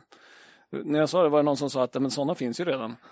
Det är, Eh, Kabe har ju ja, modellen Travel Master va? men det här måste vara en special då för Coachman som Ja. ska vara i Storbritannien. Mm, mm. Eh, Man lanserade här i Birmingham i februari men ska börja leverera nu i september. Så det ska bli intressant att se hur det går. Då. Lagom till lågkonjunkturen. La- Och det är det som är lite problemet som vi Ja. kommer till. Eh, De här husbil, husbilarna då utvecklas i, av Kabe i Tenhult. Byggs på Mercedes-chassin. Det har vi pratat om tidigare. Kabe använder och varit en fördel för dem då. Eftersom Fiat som de flesta andra använder haft stora leveransproblem. Då. Det blir intressant att följa utvecklingen. Viss oro då för Coachman på brittiska marknaden. Eh, ekonomin där ser ju ganska risig ut. Såg som sagt en, en prognos på 22 procents inflation i vinter. Oh. Mm. Mm. Och blir det verklighet så är det svårt att göra tunga kapitalinvesteringar. Ehm, Sen säger Kabe själv att de coachman är inom premiumsegmentet och då är man mindre känslig av makroekonomiska osäkerheter. Ja, vi får väl se. Det brukar ju många säga. Ehm, Kabe har jag dock extremt stort förtroende för, men visst, det är väl så. det, Det är de här som bygger helikopterplatta, de skiter i... Mm. Sen, är det lite, KB brukar ju, de är väldigt bra koll på marknaden. Mm. Men de brukar vara först ut när det går dåligt och så här. Ja, vi, med, med, med varsel och... Med att dra ner och så. Ja. Mm. Så att de brukar ha väldigt bra visibilitet som man brukar säga. 2008 där var det, har jag pratat om många gånger. Mm. Då var de ju jäkligt tidiga med att varsla. Eh, tappade ju också ganska hårt under vintern 2008-2009. Jag tror 30 procent på omsättningen försvann. Så visst har man en konjunkturkänslighet, tunga kapitalvaror, när folk blir rädda. Och, Det är det här som är svårt, för de har ju inte sagt något sånt än. Nej, frågan är hur mycket det är som man ska fylla upp tomma återförsäljarlokaler. Eh, som liksom inte har haft något under den här bristen på... Ja, det är svårt. Ja, det är svårt. Det, det, det står emot varandra lite grann. Ja. Vi kommer att återkomma tror jag. För den andra delen då är de här husbilarna som kallas Affinity. Eh, Det är ju då de som tillverkas i en ny produktionsanläggning i Polen. Små lätta lastbilar och de har Fiat-chassin. Så här har man haft förseningar i leveranser då, för att man inte fått eh, alla chassin då, så som Adria. Eh, Man planerar att öka från 200 till 400 enheter. Ska ge en omsättning på 250 miljoner. Hittills under 2022 har man ökat omsättningen 58 procent ändå till 65 miljoner. Men här finns det ju en klar potential till ökning då när man Ja. fyller ut eh, kapaciteten där, om man då lyckas sälja dem. Eh, Vi har pratat om tidigare att KB borde, borde göra förvärv med stora kassan och i Q2 hade man ju 49 kronor per aktie i kassa. Och den står i 100 Mm. nu. Ja, 165 spänn tror jag när vi gick in i studion. Ja. Eh, så att, om man, första september gjorde man ett mindre förvärv. Man köpte S-karosser i Dorotea. Eh, 33 miljoner i omsättning, rörelseresultat 2 miljoner, så det är inget jätteförvärv. Nej, men ändå. Bra att man köper något i alla fall för kassan. Eh, Nej, herregud, man, ja, det är långt till, till konkurs när man har den typen av kassa. i alla fall. Kabel har en extremt stark finansiell Ja. ställning. Hur går det för Komma Fritid då? Har, Nej, jag har inte kameran den här gången. Det, Nej, var, det var i och för sig lite sämre, kommer jag ihåg, eh, än i Q1. Q1 var jättestarkt, men då sa man att man var lite uppdämt behov av att folk hade köpt inför sommaren för att man skulle säkerställa leveranser. Mm. Okej, okej. Så det var lite sämre i Q2 än i och, Q1. och förra året då måste ha varit brutalt starkt. Förra året var väldigt starkt också, Ja, så att ja. det, det var inte lika bra som det var i Q1. Nej. Ehm, Men de här S-karosser säljer såna här pick-up campers som man fäster på pick-up-flak. Mhm. Jag trodde det var sån eh, skivspelare, pickup. eh. Nej, det var inte så. det var ingen sån. Det är inte riktigt kabels nisch. Ica ska börja, eller eh, Ikea ska börja sälja skivspelare förresten. Har ni hört det? Nej. De har tagit fram sin egen. Kommer inte ihåg vad den ska heta, men Oj! Mm. Ja, de, har ju, vinyl är on the way back alltså. Ja, du säger det. de har ju ett samarbete med Sonos, så det är Ja. inte så farfetched. Nej, nej. Eh, Q2-rapporten då som helhet stabil ändå. Vi har inte ändrat vår syn på KABE eh, långsiktigt. Eh, 2021 hade man en vinst per aktie, per aktie om 23,60. Vi tror på viss minskning i år. Då. Prognos som vi senast hade 23,10. Vi får ju se om vi måste justera ner den då, men, men aktiekursen har ju rasat på slutet. 165 kronor när vi gick in som sagt eh, i studion. Eh, 7,1 i P eh, Och man har ju stor nettokassa så ev-ebit är, kommer du ihåg? Fyra sa du va? Fyra. Ja. Nej, det Det- finns ju mycket som är billigt nu. Jäklar. Men, men det här slår ju nästan priset. Ja. Och det är ju såklart för att man är jätterädd för att stigande inflation, stigande räntor kommer göra att eh, konsumenten inte har råd att köpa kapitaltunga produkter som Kabels. Då. Ehm, sen är ju liksom, ja, det, det, förmodligen kommer det bli så. Men man har ju tagit ut rätt mycket i priset Ja. eh, redan. Jag är ganska säker på att KB om tio år kommer sälja husbilar och husvagnar eh, fortsatt. Eh, med, Ja. Ja. med god förtjänst. Så att, men, men, vi, Men just nu så är marknaden livrädd. Marknaden är verkligen livrädd. Eh, vi har inte köpt i firman för vi är väldigt osäkra också. Eh, men det ser ju väldigt billigt ut. Eh, så att på, för en långsiktig portfölj så är det säkert en väldigt attraktiv kurs. Tror jag med. Eh, jag har en post i pensionssparet. Eh, Mm. Så att, eh, ja, vi får se. Marknaden har verkligen tagit ut det här innan det har synts. Kan Ja. vi säga. Men det är inte balansräkningen här. Det är inte balansräkningen som är Det är problemet. bara en rädsla för konjunktur och omsättningstapp skulle jag säga. Ja. Et. Et, precis. Så det blir väldigt spännande att se. Men, men så kabel brukar vara väldigt snabba. Ja, så att har man inte sett något varsel då... Så, ja, men leta efter det i Q3-rapporten. Om Ja. de börjar skriva att de eh, liksom, vi har varsel. Ja, när det kommer ut pressmeddelanden när, KB varslar 20-25 pers. Först. Men, men det är då kanske då det vänder. För, för börsen har redan tagit ut det ja, förväg. Liksom. jag tror det nästan var så... Nej, det var det ju inte. Det var ju ett halvår då, ja. Mm, jag tror de varslade sommaren 28. Och sen så var det Q4 som började bli riktigt... Mm. Det är det här som blir så intressant med många av de här bolagen som har kraschat där det inte har synts någonting än. Nej, men, Nej, när, det när, när vänder kursen sen? Den Ja. kan ju vända långt innan. det syns. Det, Ja. liksom, Och det känns som att information, går, alltså det, allt går mot att det kommer gå fortare och fortare och man liksom kommer inte hinna se de allmänna vändningarna eh, förrän... det är fascinerande faktiskt. Ja. måste jag säga. Så Spännande! Att, eh, Nej men Kabe. Eh, fint bolag. Fint bolag. Ja, i det här avsnittet har vi ytterligare två kära återseenden. Eh, dels då vår sponsor Affärsvärlden just Ja. det. och dels eh, Tranåsbolaget OM International Mm, Just det. som är bolaget både vi och Affärsvärlden tittat lite närmare på här nu i närtid.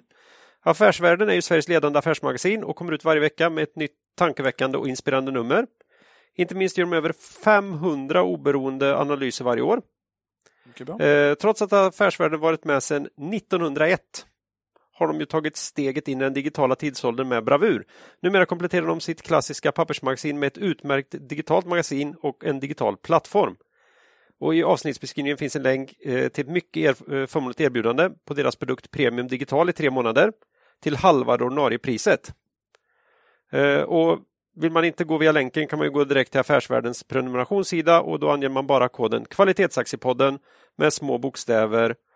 Ja, 2P, glöm inte bort. ja så ska det vara. Ja. Eh, finns ett ställe att slå in koden där så får man tillgång till erbjudanden den vägen då. Mm. Ja, nu åter till OM då som affärsvärlden, eh, affärsvärldens analytiker Björn Rydell tittar lite närmare på i en analys som släpptes eh, digitalt då den 14 september. Eh, och i podden här har de inte varit med sedan avsnitt 74. Mhm. Det var alltså den 20 augusti 2020. Det är två år sedan lite drygt. Det var Det Ola då. Det är länge Det sedan. var under kor- eh, covid-raset där. Mm. Det var då de... Ja, efter i alla fall. Eh, då sa vi att det här är ett jättefint bolag. Eh, om än vi tyckte det kanske var limri, rimligt eller lite väl högt värderat till P19 då. Jag tror det blev dyrare sen? Ja. Eh, trots då att eh, ja, aktiekursen är alltså upp 40 procent eh, sen vi tittade till dem då. Ja. Det har ju varit uppe bra mycket mer än det kan man säga en period här och sen fallit tillbaka igen då. Eh, men de har ju en kraft, men de har en kraftigt ökad vinst per aktie så det gör att P på rullande 12 ligger på 15 nu då. Mm. Ungefär. Och det här är ju en industrihandelskoncern eh, och de har valt sitt namn efter vad, vad sådana här bolag brukar kallas som tillverkar saker som säljs under andras varumärken. Det är Original Equipment Manufacturers. Och välkända kunder som tas upp eh, även i analysen här är Tetra Pak, Atlas Copco, Volvo, Geting och Husqvarna. Och när man hör namnen så förstår man att en stor del av omsättningen återfinns ju i Sverige. Mm.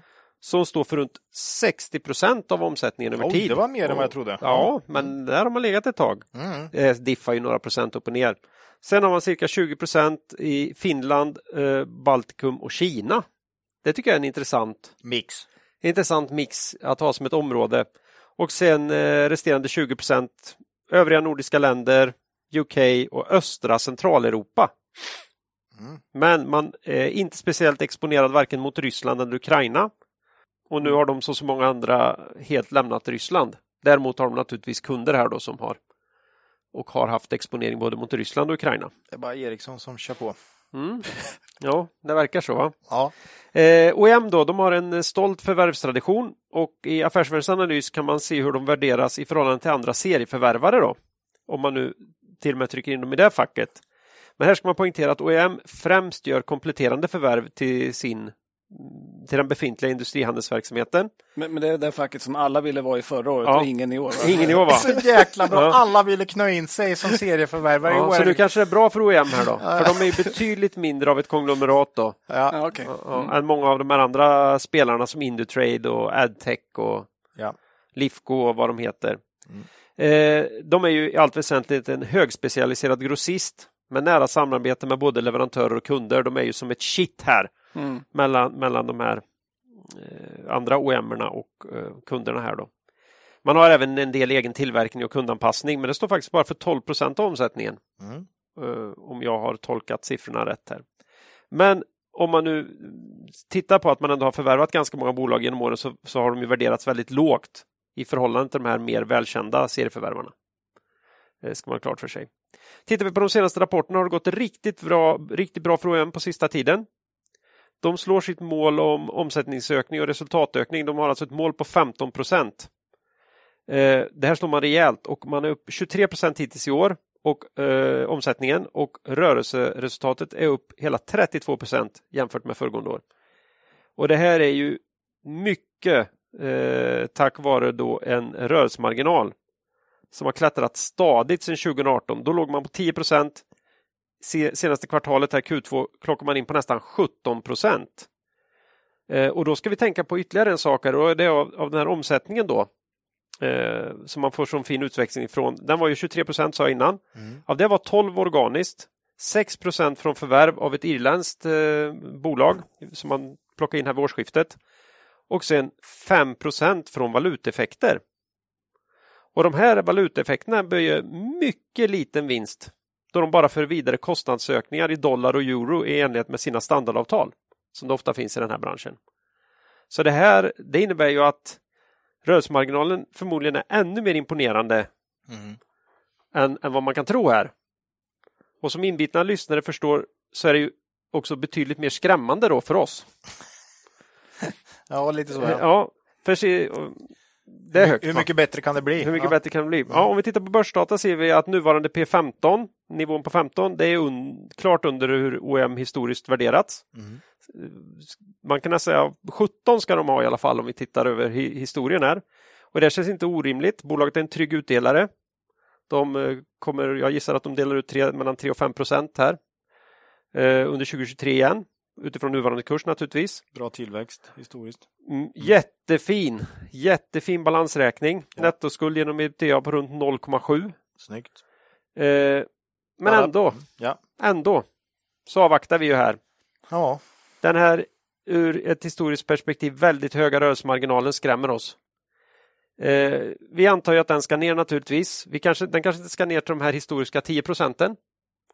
Men eh, 12 mm det är ju mer rimligt. Jag tror att eh, affärsvärlden skissar på att de ska komma ner i 13 någonstans här inom ganska snar framtid och då är de ju rätt värderade idag.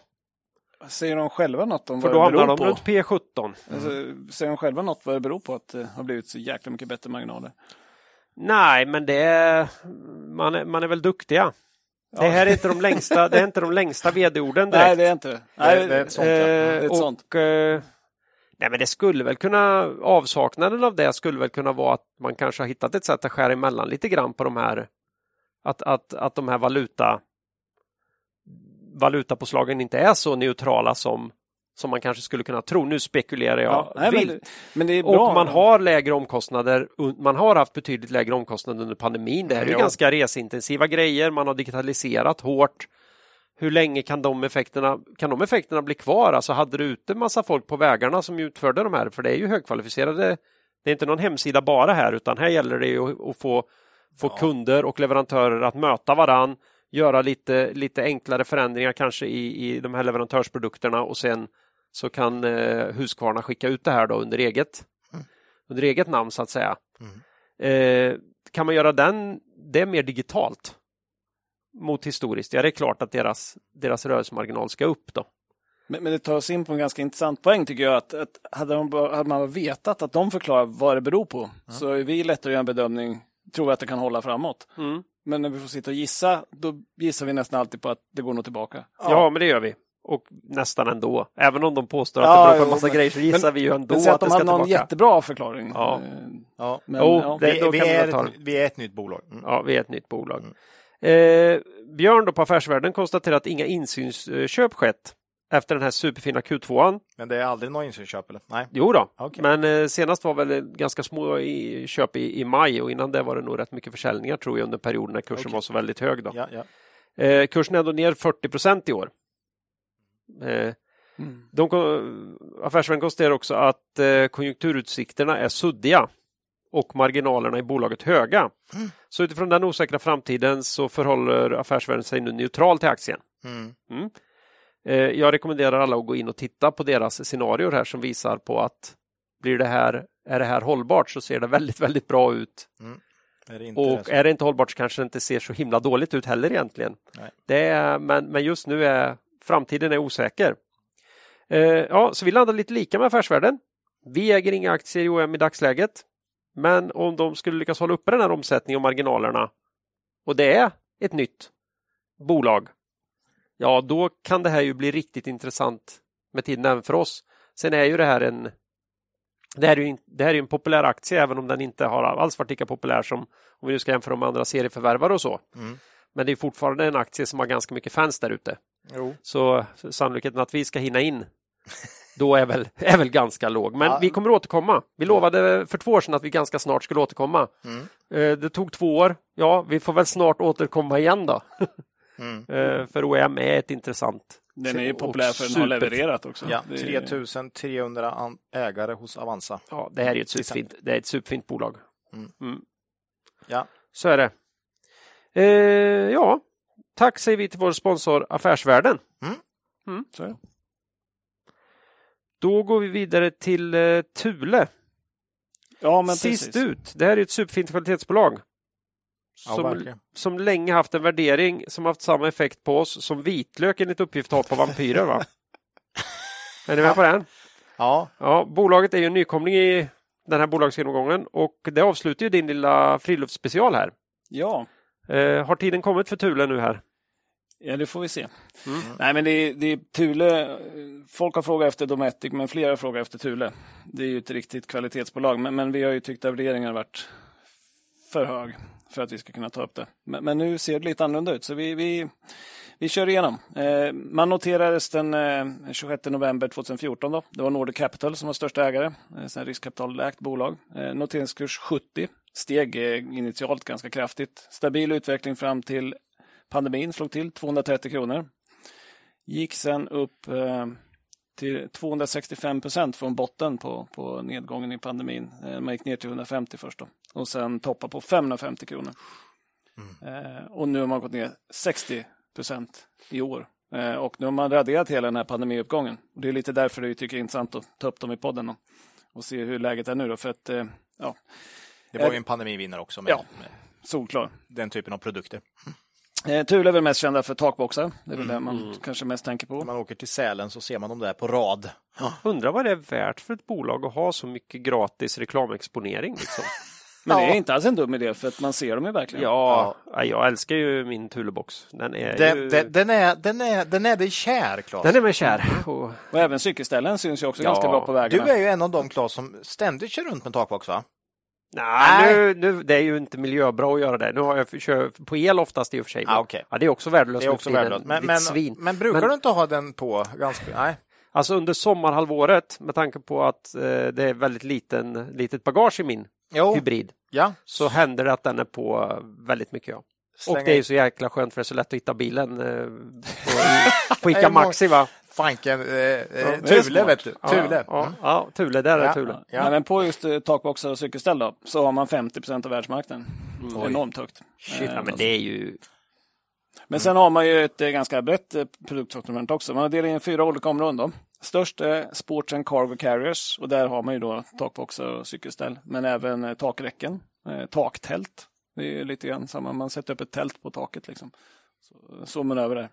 Det. Det är tydligen en hel del som gör. Har jag aldrig sett, aldrig gjort kan jag säga. Är det en stor produkt på svenska marknaden? Nej, det är nog inte så stort. Men, men gå in och kolla på hemsidan. De är Ja, lite, måste kolla. de är lite fräcka de där. Ja, Eh, näst störst med eh, 67 procent av omsättningen då på, på Sports and Car- Cargo Carriers.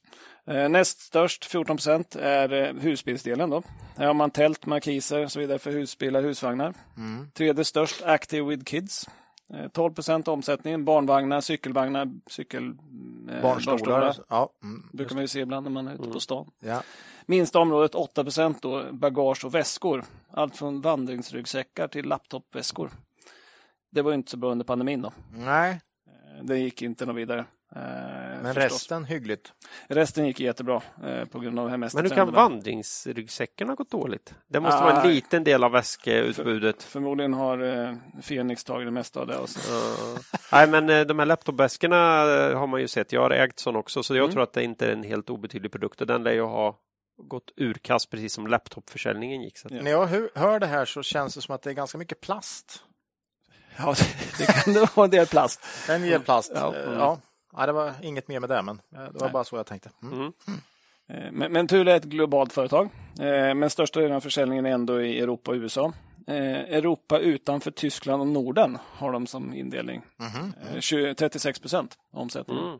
För Tyskland själv har fått ett eget område för 23 procent. USA 21 procent. Tillverkning och montering i säckfabriker i Europa, två i USA och en i Brasilien. Då, så man försöker matcha tillverkningskostnader med försäljningsintäkter. Då. Eh, Det är ju snyggt. Lite grann så. Men, men man har ändå ganska stora valutaförändringar i, rapporterna. Då. Eh, 2015 så växte man 16 procent, men 12 procent kom från valuta. Eh, för första halvåret 21 så var valutaeffekten minus 10 procent istället. Då. Så det här är lite viktigt att titta på. Vi försökte titta på det innan vi gick in här. Det, var ju lite intressant för dollarn var inte som man trodde att en, en svagare dollar en starkare dollar skulle gynna eh, bolaget, utan det var snarare tvärtom. Förmodligen ganska mycket inköp i dollar. Ja. Men däremot om kronan försvagades mot euron så gav det ganska stor positiv effekt. Och den har ju tapp, kronan har tappat mot euron ganska Så det rejält borde också. bli en effekt eh, positiv av det Ja. eh, framöver. Eh, dock så redovisar man ju valutans på, påverkan i rapporterna rätt bra, så det går att följa den organiska tillväxten eh, bra i rapporterna. Så det är pluspoäng där. Eh, man har en imponerande historik. Omsättningen har gått upp 9% i snitt de senaste 10 åren, 12,5% i snitt de senaste 5 åren. Mm. Taget från börsdata då, såklart.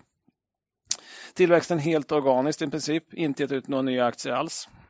Nej, Eh, riktigt för kvalitetsbolag. Det är ju inget snack. Är... Man har köpt ett par mindre bolag under åren då, men då man anser han sålt två affärsområden som sammanlagt omsatte mer då än de där man köpte in så att säga. Ehm, Produkterna finns oftast inom premiumsegmentet, normalt sett lite dyrare än konkurrenterna då. Eh, Och det har man fått utväxling på på marginalerna. För tittar man eh, under de senaste eh, tio åren så är det ännu mer imponerande än om, omsättning. Då. Eh, 21 procent i snitt, räknat både under fem och tio år. Oj, Det är mycket. Det tyder på, på bra marknadsposition så att säga. Och det är lite det här som är grejen, för att all, båda de jämförelserna slutar ju 21 då. Och 21 var ett extremt bra år, så då går ju snittsiffrorna upp också. Mm, ja, det är sant. Ja. Det där ska man ha lite med sig i bakhuvudet om man tittar på börsdata nu. Att, Ja, man kan kanske rensa bort sista året eller två och sen kolla vad det har varit i snitt också. För det, gäller, det blir lite höga snittsiffror Ja. när man då får ett väldigt bra sista år så att säga. mm. Eh, Thule har nya finansiella mål då, som man presenterar på kapitalmarknadsdagen i maj 22. Eh, omsättningen ska uppgå till 20 miljarder 2030. Tidigare så sa man 15,6 miljarder, så det är en ganska kraftig ambitionshöjning. Då. Eh, kräver omsättningsökning 7,5 procent per år från 21 års omsättning. Då. Som ju var ganska hög då. Det ser ut som att man kommer minska i år, vi kommer återkomma till det. Eh, affärsområdet, eh, bolags affärsområde har en marknadstillväxt på 3-5 procent. Så att ska man ha 7,5 procent så måste man då hitta på någonting mer. Kan man öka marknadsandelarna, introducera nya produkter eller köpa bolag. Eftersom man då knappt köper några bolag så är det nog inte det man satsar på. Man har ju väldigt höga marknadsandelar i många delar så att man behöver bredda produktfloran då för att nå målet. På kapitalmarknadsdagen då så hade man två nya produktområden som man vill växa och det är bilbarnstolar och produkter för hundtransport. Mm. Och för utförlig information om det här så rekommenderar jag att titta på presentationen för kapitalmarknadsdagen. Det finns en video på Börsdata, deras nya funktion för video. Mycket bra funktion för övrigt. Eh, Korta versionen då är att man har sett att de här kategorierna av produkter då kännetecknas av egenskaper som passar Thule bra. Jo, kan jag tänka mig. Eh, Man säljer mycket på säkerhet Mm. eh, och har premiummärken då så att säga. Thule uppskattar premiumdelen av eh, barnstolar till eh, barnstolsmarknaden till 14 miljarder 2022. Man ska lansera i Europa andra halvåret 23, USA andra halvåret 24 då. Så man håller på att utveckla de här produkterna. Ehm, rörande hund, hundtransport med bil och cykel då. För det är inte bara bil utan det, de har ju med vagnarna efter cyklarna. Då. Mm. Ska man kunna skjutsa runt hunden igen om den inte orkar gå. Till hunddagiset. Ja, jag tänkte ju mest på bur i bilen alltså. Men, ja. Ja, men det ska vara cykel också. Vet du. Okej, Den ska mm. sitta där i sin lilla, lilla hus där. Ja, det är ju snyggt alltså. Det är de här små chihuahuorna som... Ja, de, de kan inte gå själva. Vet du. Nej, jag, jag kan inte se en Sankt Bernhard sitta i. Det är en sån liten vagn där. Då får du köpa XL-vagnen. ja, det ska bli spännande att följa det här. Ja, Jag, vi är, jag är ju själv hundägare så att säga. Ja, så, men precis. Det här är ju produkter för dig. ja. Du får lyncha den här sen. Mm. Det har ju tillkommit många nya hundar under pandemin, säger man på Jo. Det ökar marknadspotentialen. Då. Eh, Man uppskattar den marknaden till 2 miljarder 2022. Eh, och eh, man har flera nya produkter, bland annat hundbur då, med hög säkerhetsstandard som ska komma i butik 2023. Och det här blir intressant att följa, för det är ju viktigt om man ska nå målen då och växa mer än vad de gamla marknaderna gjorde. så att säga. Sen rörande marginaler så är det lite intressant för man eh, säger nu att man ska bibehålla ebit-marginal över 20 procent. Det målet är då oförändrat. Men man hade tidigare ett ebit-marginalmål om 15 procent. Det nådde man 2015. Då satte man 17 procent. Det nådde man 2017. Då satte man 20 procent. Det nådde man 2020. Oj. Då kan man tänka sig att man skulle fortsätta med det ett tag till så skulle man få eh, Evos marginaler 2070. Det, här, det, här, det här går tills det inte går längre. Det här. Ja, Men man har väl nått eh, någon sorts tak där. vägs ände. Nu sa man att vi, vi stannar över stannar 20. på 20. Fan, kunde de inte Det var ju satsa, de kunde satsa på 23 här nu och sett om de Ja. ändå inte kunde ha, ja. Ja. Om det kunde gått. kunde ha gått. Nej, men det är ändå jävligt starkt. De har, de har Ja. ökat marginalerna he- hela tiden. Så att säga. Mm. Eh, bolaget hade också ett mål tidigare om relation nettoskuld ebitda i intervallet 1,5 till 2,5. Då sa man i Q1 21 att vi tar bort det här. För vi har 0,2 och vi tänker inte köpa någonting så att vi plockar bort målet. Okej, ja, Så ja. att eh, man tyckte inte det var relevant längre. Nej. Berättar du varför de inte köper något eller? Det är ju, de, Ja, har ju det bästa, det. de har ju det bästa argumentet någonsin. Ja, den kan du ta. Den är ju Nej, det är inte du som sa det till men det var Ola som sa. De har ju, nå- vid någon, vid någon sammanhang så har ju ledningen. Var det vd till och med som Ja, sa? vd fick, fick ju frågan Ja, ja. där, men ska ni inte köpa något nu när Ja. det blir lite billigare i branschen? Och sa att Nej, men det är vi som är premiumprodukten, det finns ingenting som tillför oss någonting Var av värde. Var ska vi köpa något som är sämre? Det var, det, så vi hoppas det inte är hybris, men, men de, de är marknadsledare Ja. i de flesta av Ja. nischer. Så, att, Grymt bolag alltså. ehm, så han tyckte inte det tillförde någonting att köpa och de har inte köpt någonting heller historiskt. Men alltså, jag skulle, det är den klassikern liksom eh, när Amazon ger sig in på din marknad. Liksom, ja, här, jag skulle inte vara jättelycklig om jag vore stor på hundburar. Alltså. Nej, nej, nej. Nej. Det hade jag ju gissat att de redan var där. Jo, Samma så. sak med liksom eh, eh, Bilbarnstol. eh, Bilbarnstol. babyskydd. Eller, det är kanske bilbarnstolar de ska göra, men ska de göra babyskydd också? Det vet jag inte här nu. Nej, men nej. herregud, det är inte roligt att få Thule emot sig alltså. Nej, nej. Nej, i- i- det känns logiskt att expandera. Jag har aldrig, jag har aldrig varit så prisokänslig som när jag köpte grejer när, vi, när ungarna kom. Nej, lite Och så. herregud, de här barn, Älskar- barnvagnarna. Älskar du inte ditt barn liksom? Nej. Och sitter du med en takbox och ett cykelställ så vet du att Thule, det är bra grejer. Ja, Liksom. ja, ja. Nej, oj. Ja, nej, nej, alltså det, det, jag tror den där satsningen kommer gå bra. Det, Mm. det är känslan i alla fall. Ja. Ja. Nej, det tror jag också. Så att, men det är inte. Men eh, Q2-rapporten då, man hade en gånger eh, nettoskuld ebit, mot ebitda. Då. Så man har en stark finansiell ställning. Man har ett mål om att dela ut 75 procent av vinsten. Eh, Delade ut 13 kronor i år. Aktiekurs 20, eh, 220. 6 procent i direktavkastning. Nu är det dock oklart om man kommer kunna hålla kvar det här då, för att man har ju gett ut en vinstvarning 11 september. Vi kommer återkomma till den lite senare, så att det är inte säkert att man kommer dela ut lika mycket pengar. Eh, vana lyssnare kanske kommer ihåg när vi sa att Swedish Match, eh, när de var med i podden, att det var en total avsaknad av svenska fonder i ägarlistan. Så ser det inte ut i Thule. det är lite annat där. Av de tio största ägarna är sju svenska fonder, AMF störst med 13 procent av kapitalet. Det är lite konstigt att det inte finns fler stora utländska ägare som har hittat till, till Thule, kan jag tycka. Eh, Förs ofta en debatt om ägarstyrning och att tjänstemannastyrda bolag är sämre kvalitet och sådär. Eh, Då kanske Thule får vara undantaget som bekräftar regeln då, för att Thule är kvalitet. Ja. Eh, VD Magnus Welander eh, har aktier för 140 miljoner. Eh, han har en lön, en er- totalersättning 2021 på 18 miljoner, så åtta gånger summan. Det får vara en bra pilot tycker jag. Mm. Eh, men som sagt, det har ju hänt en del på slutet. Eh, och det har ju de här blankarna sniffat upp då. Blankningen i Thule har stigit kraftigt de sen, det senaste året. Eh, och särskilt under nedgångsfasen 2022. Då. Är det också en sån här omvänd pandemieffekt man tror på kanske? Och... Hög Rimlig- värdering. Rimligtvis. Hög värdering och den kombinationen. Den synliga delen, blankningen, är 4 då. Men eh, kolla blankningsstatistiken den 16 september hos eh, FI då, så var det 10,6% av kapitalet blankat i Thule. Oj, Det är sjätte högt på listan över alla blankade bolag. oj. Och Thule är Och ändå då har du ingen kvalitetsbolag. Liksom. balansräkningsrisk egentligen Exakt. att tala om. Så- det kan inte vara balansräkning man spekulerar utan det måste ju precis vara som du sa. Och vinstvarning. Men nu kommer ju vinstvarningar. Jo, nej men exakt. De, de, med fast i hand så får man ge blankarna rätt då. Ja. Eh, när de då, den här vinstvarningen kom. Jag kommer återkomma strax till den då. Men Thules insynspersoner då, de har inte sålt någonting. Utan åtta insynstransaktioner är alla köp då. Mm. Eh, men det har varit lite mindre köp än vad det var i Dometic. Eh, den som köpte mest var styrelseordförande Hans Eckerström som köpte aktier för 5 miljoner i maj. Men här skulle man gärna se kanske i närtid då, lite mer köp då. Mm. Eh, I Q2 då så steg omsättningen för Thule till 2,6 procent, men justerar man för valuta så var det minus 3,4 procent. Så det börjar synas där också, nedgången. Då, så.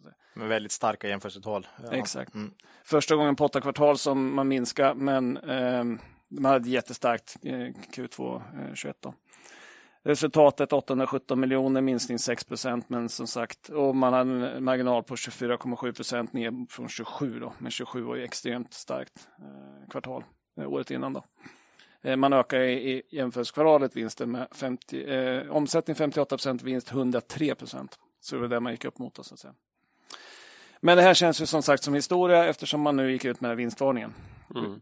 Vi hade ju med den i, i Aktuellt-avsnittet för några, några avsnitt sedan. För man pratade om den här bullwhip-effekten. Mm. Som lyssnarna nu känner igen. Det är ju då när man har en väldigt positiv eh, efterfrågan som, som tolkas av leverantörer och återförsäljare som att man kommer få en bestående effekt av eh, stark efterfrågan och därför beställer man lite extra. Och det här gynnar ju Thule. Man sa nu eh, i den här vinstvarningen att eh, cyklar då, som, som normalfallet står för en tredjedel av försäljningen eh, i ett Q3. Under förra året stod för halva försäljningen. Det är ganska stor skillnad. Oj. Och i Q4 förra året så, så stod den för en tredjedel mot en femtedel eh, tidigare. Då eh, år i normalår.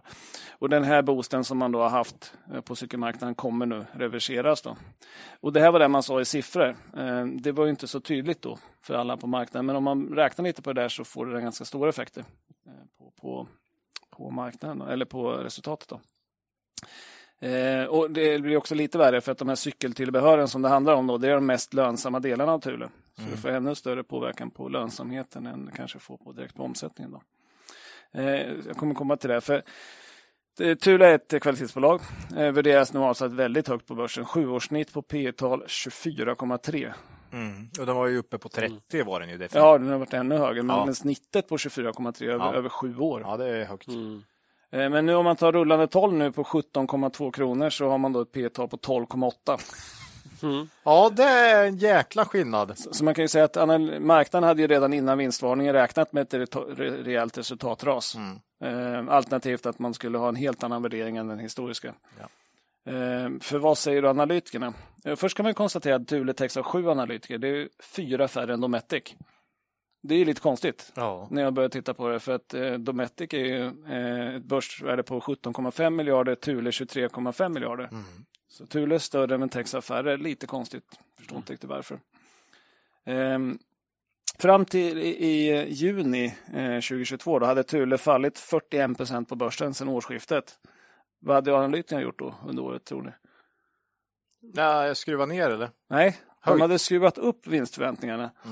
Mm. och trodde då på, eh, rullande 12 alltså 17,2, då trodde man på 19 kronor i vinst för 22 och 20 kronor för 23 fast börsen var ner 41 procent. Mm. Så här såg man en viss diskrepans mellan marknadens ja. syn och analytikernas mm. syn. De, mm. Men efter den här vinstvarningen nu, då, tror, ner. Då har man skruvat ner ordentligt. Nu tror man på 13,7 kronor för 22 och 12,4 för 23. Inte bra. Nej. P 16 och 17,8. Vi har försökt oss på en liten gissning som innebär att man får vinst per aktie på 14 i år. Man hade väldigt starkt eh, alltså första halvår eh, ändå, särskilt Q1 då. Eh, och att den sjunker till 11,5 procent, eh, 11,5 kronor nästa, nästa år. år. Med dagskurs 15,7 och 19 i P då. 15,7 och 19. Mm. Men eh, det är väldigt svårt med prognoser när man får den här typen av problem. Då. Eh, så det blir väl att klassa som osäkra gissningar. Då. Mm. Men det är väldigt intressant att se att man, man tog ner prognoserna väldigt kraftigt efter vinstvarningen men inte alls innan fast kursen föll. Mm. Dometic har ju liksom kursen fallit, man har inte tagit ner prognoserna. Det var ju lite som vi sa när vi pratade Dometic. Mm. Eh, men med vinstvarningen så har man ju visat att man var ju kraftigt dopad av pandemin. Eh, Thules omsättning steg 45 procent i snitt fyra kvartaler mellan Q3 2020 och Q2 2021. Mm. Eh, och hur mycket kommer marknaden minska nu när man normaliserar det här? Och det här liknar lite grann vad vi pratade om Byggmax. Mm. Där man ju sa att man kanske ger tillbaka halva uppgången. Skulle... Och dessutom har vi ju en lite, eventuellt en lågkonjunktur på gång här också. Och det blir ju ännu värre. Då skulle det kunna bli dubbel smäll där då. Så att det är väldigt svårt att veta exakt. Mot det står ju att flera upptäckt frilufts, fritidsintresset är större. Mm. Man kan ju tänka sig det jobbiga kvartal med, med med bränslepriser och sånt. Färre flyger iväg kanske på semester, fler stannar hemma ändå. Mm. Mm, Fler tar cykeln iväg. Mm. Så att, eh, ja, vi, vi, tycker väl aktien ser ganska rimligt värderad ut. Det, det är ju klart lägre än den historiska värderingen. Mm. Eh, Men det är ett antal jobbiga kvartal med vinstminskningar framför sig. Eh, Stor osäkerhet om konjunkturen sen också. Eh, Så vi väljer att stå utanför eh, ändå, trots att det har gått ner så pass mycket. Mm. Eh, Men har man riktigt lång sikt, eh, pensionssparande, så kan ju årets nedgång visa sig ett jättebra tillfälle att plocka upp riktigt kvalitetsbolag till en mycket rimligare värdering än vad som varit tidigare. Då. Ja, Eh, Men vi Ja, det har är- inget ägande idag. nej, bolag man Nej. gärna skulle äga över tid såklart tror jag. Fint bolag. Och kanske gör det. det är frågan är när kommer marknaden börja handla upp det här?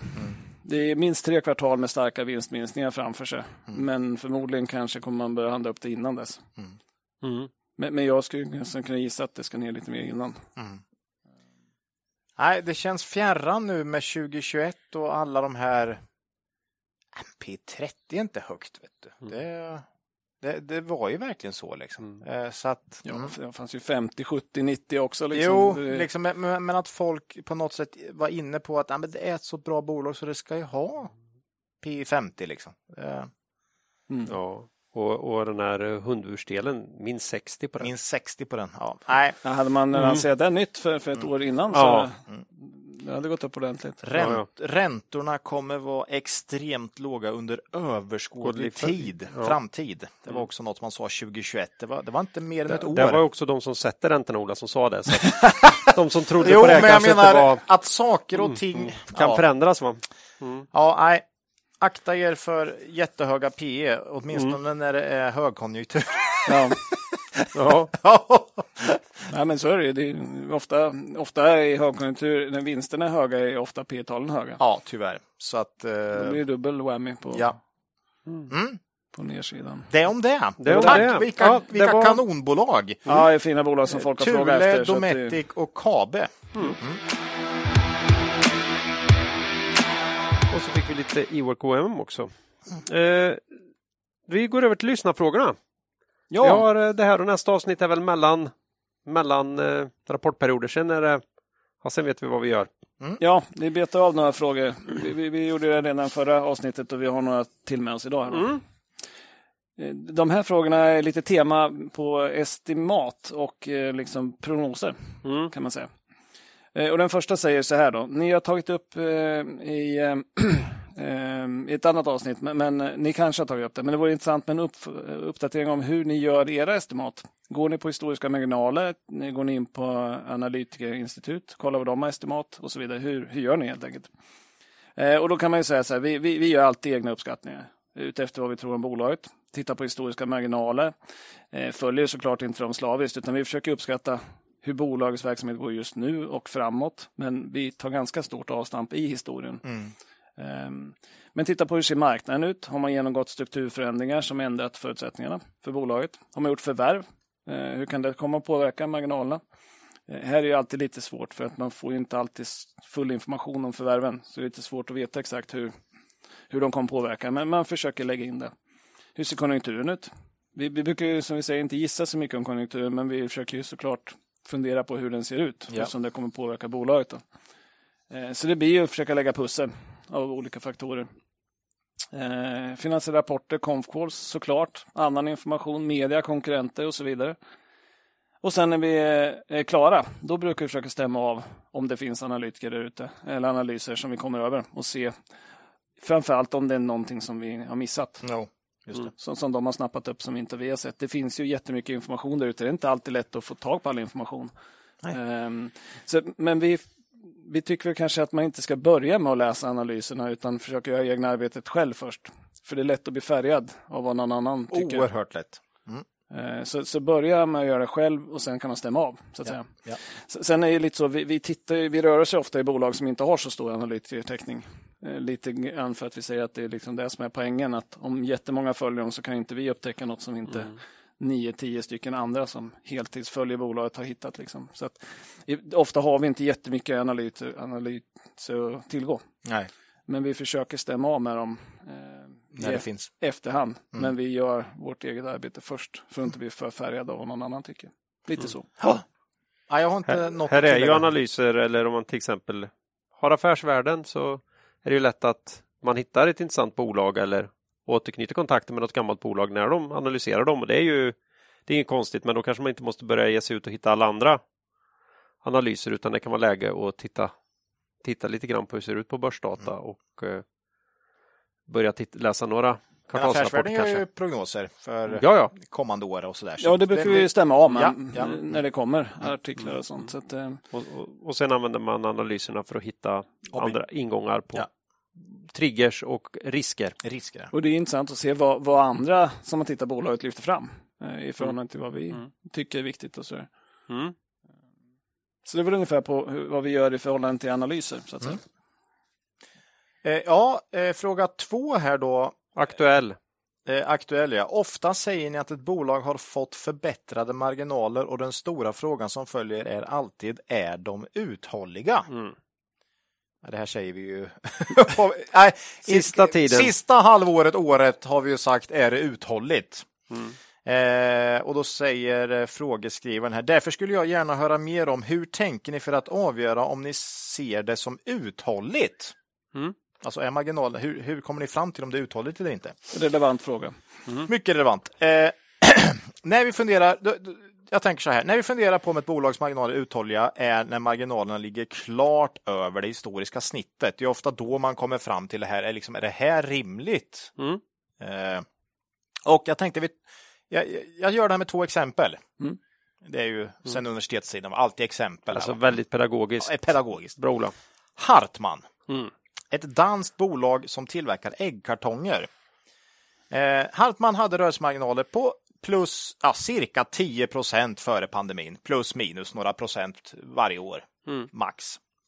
2020 landade ebit-marginalen på 17 procent. Bra jobbat. Då måste man direkt ställa sig frågan, är det uthålligt? 9, 8, 10, 11, 10, 9, 8, 9, 17. Den, liksom, den, den sifferraden, då måste man börja fundera, vad har hänt i år? Och är det något nytt som har hänt här som motiverar det här? Nej, Hartman har alltid gjort äggkartonger. De gjorde äggkartonger även 2020. Mm. Eh, så i ett sånt här fall så skulle jag säga att nej, 17 är inte uthålligt.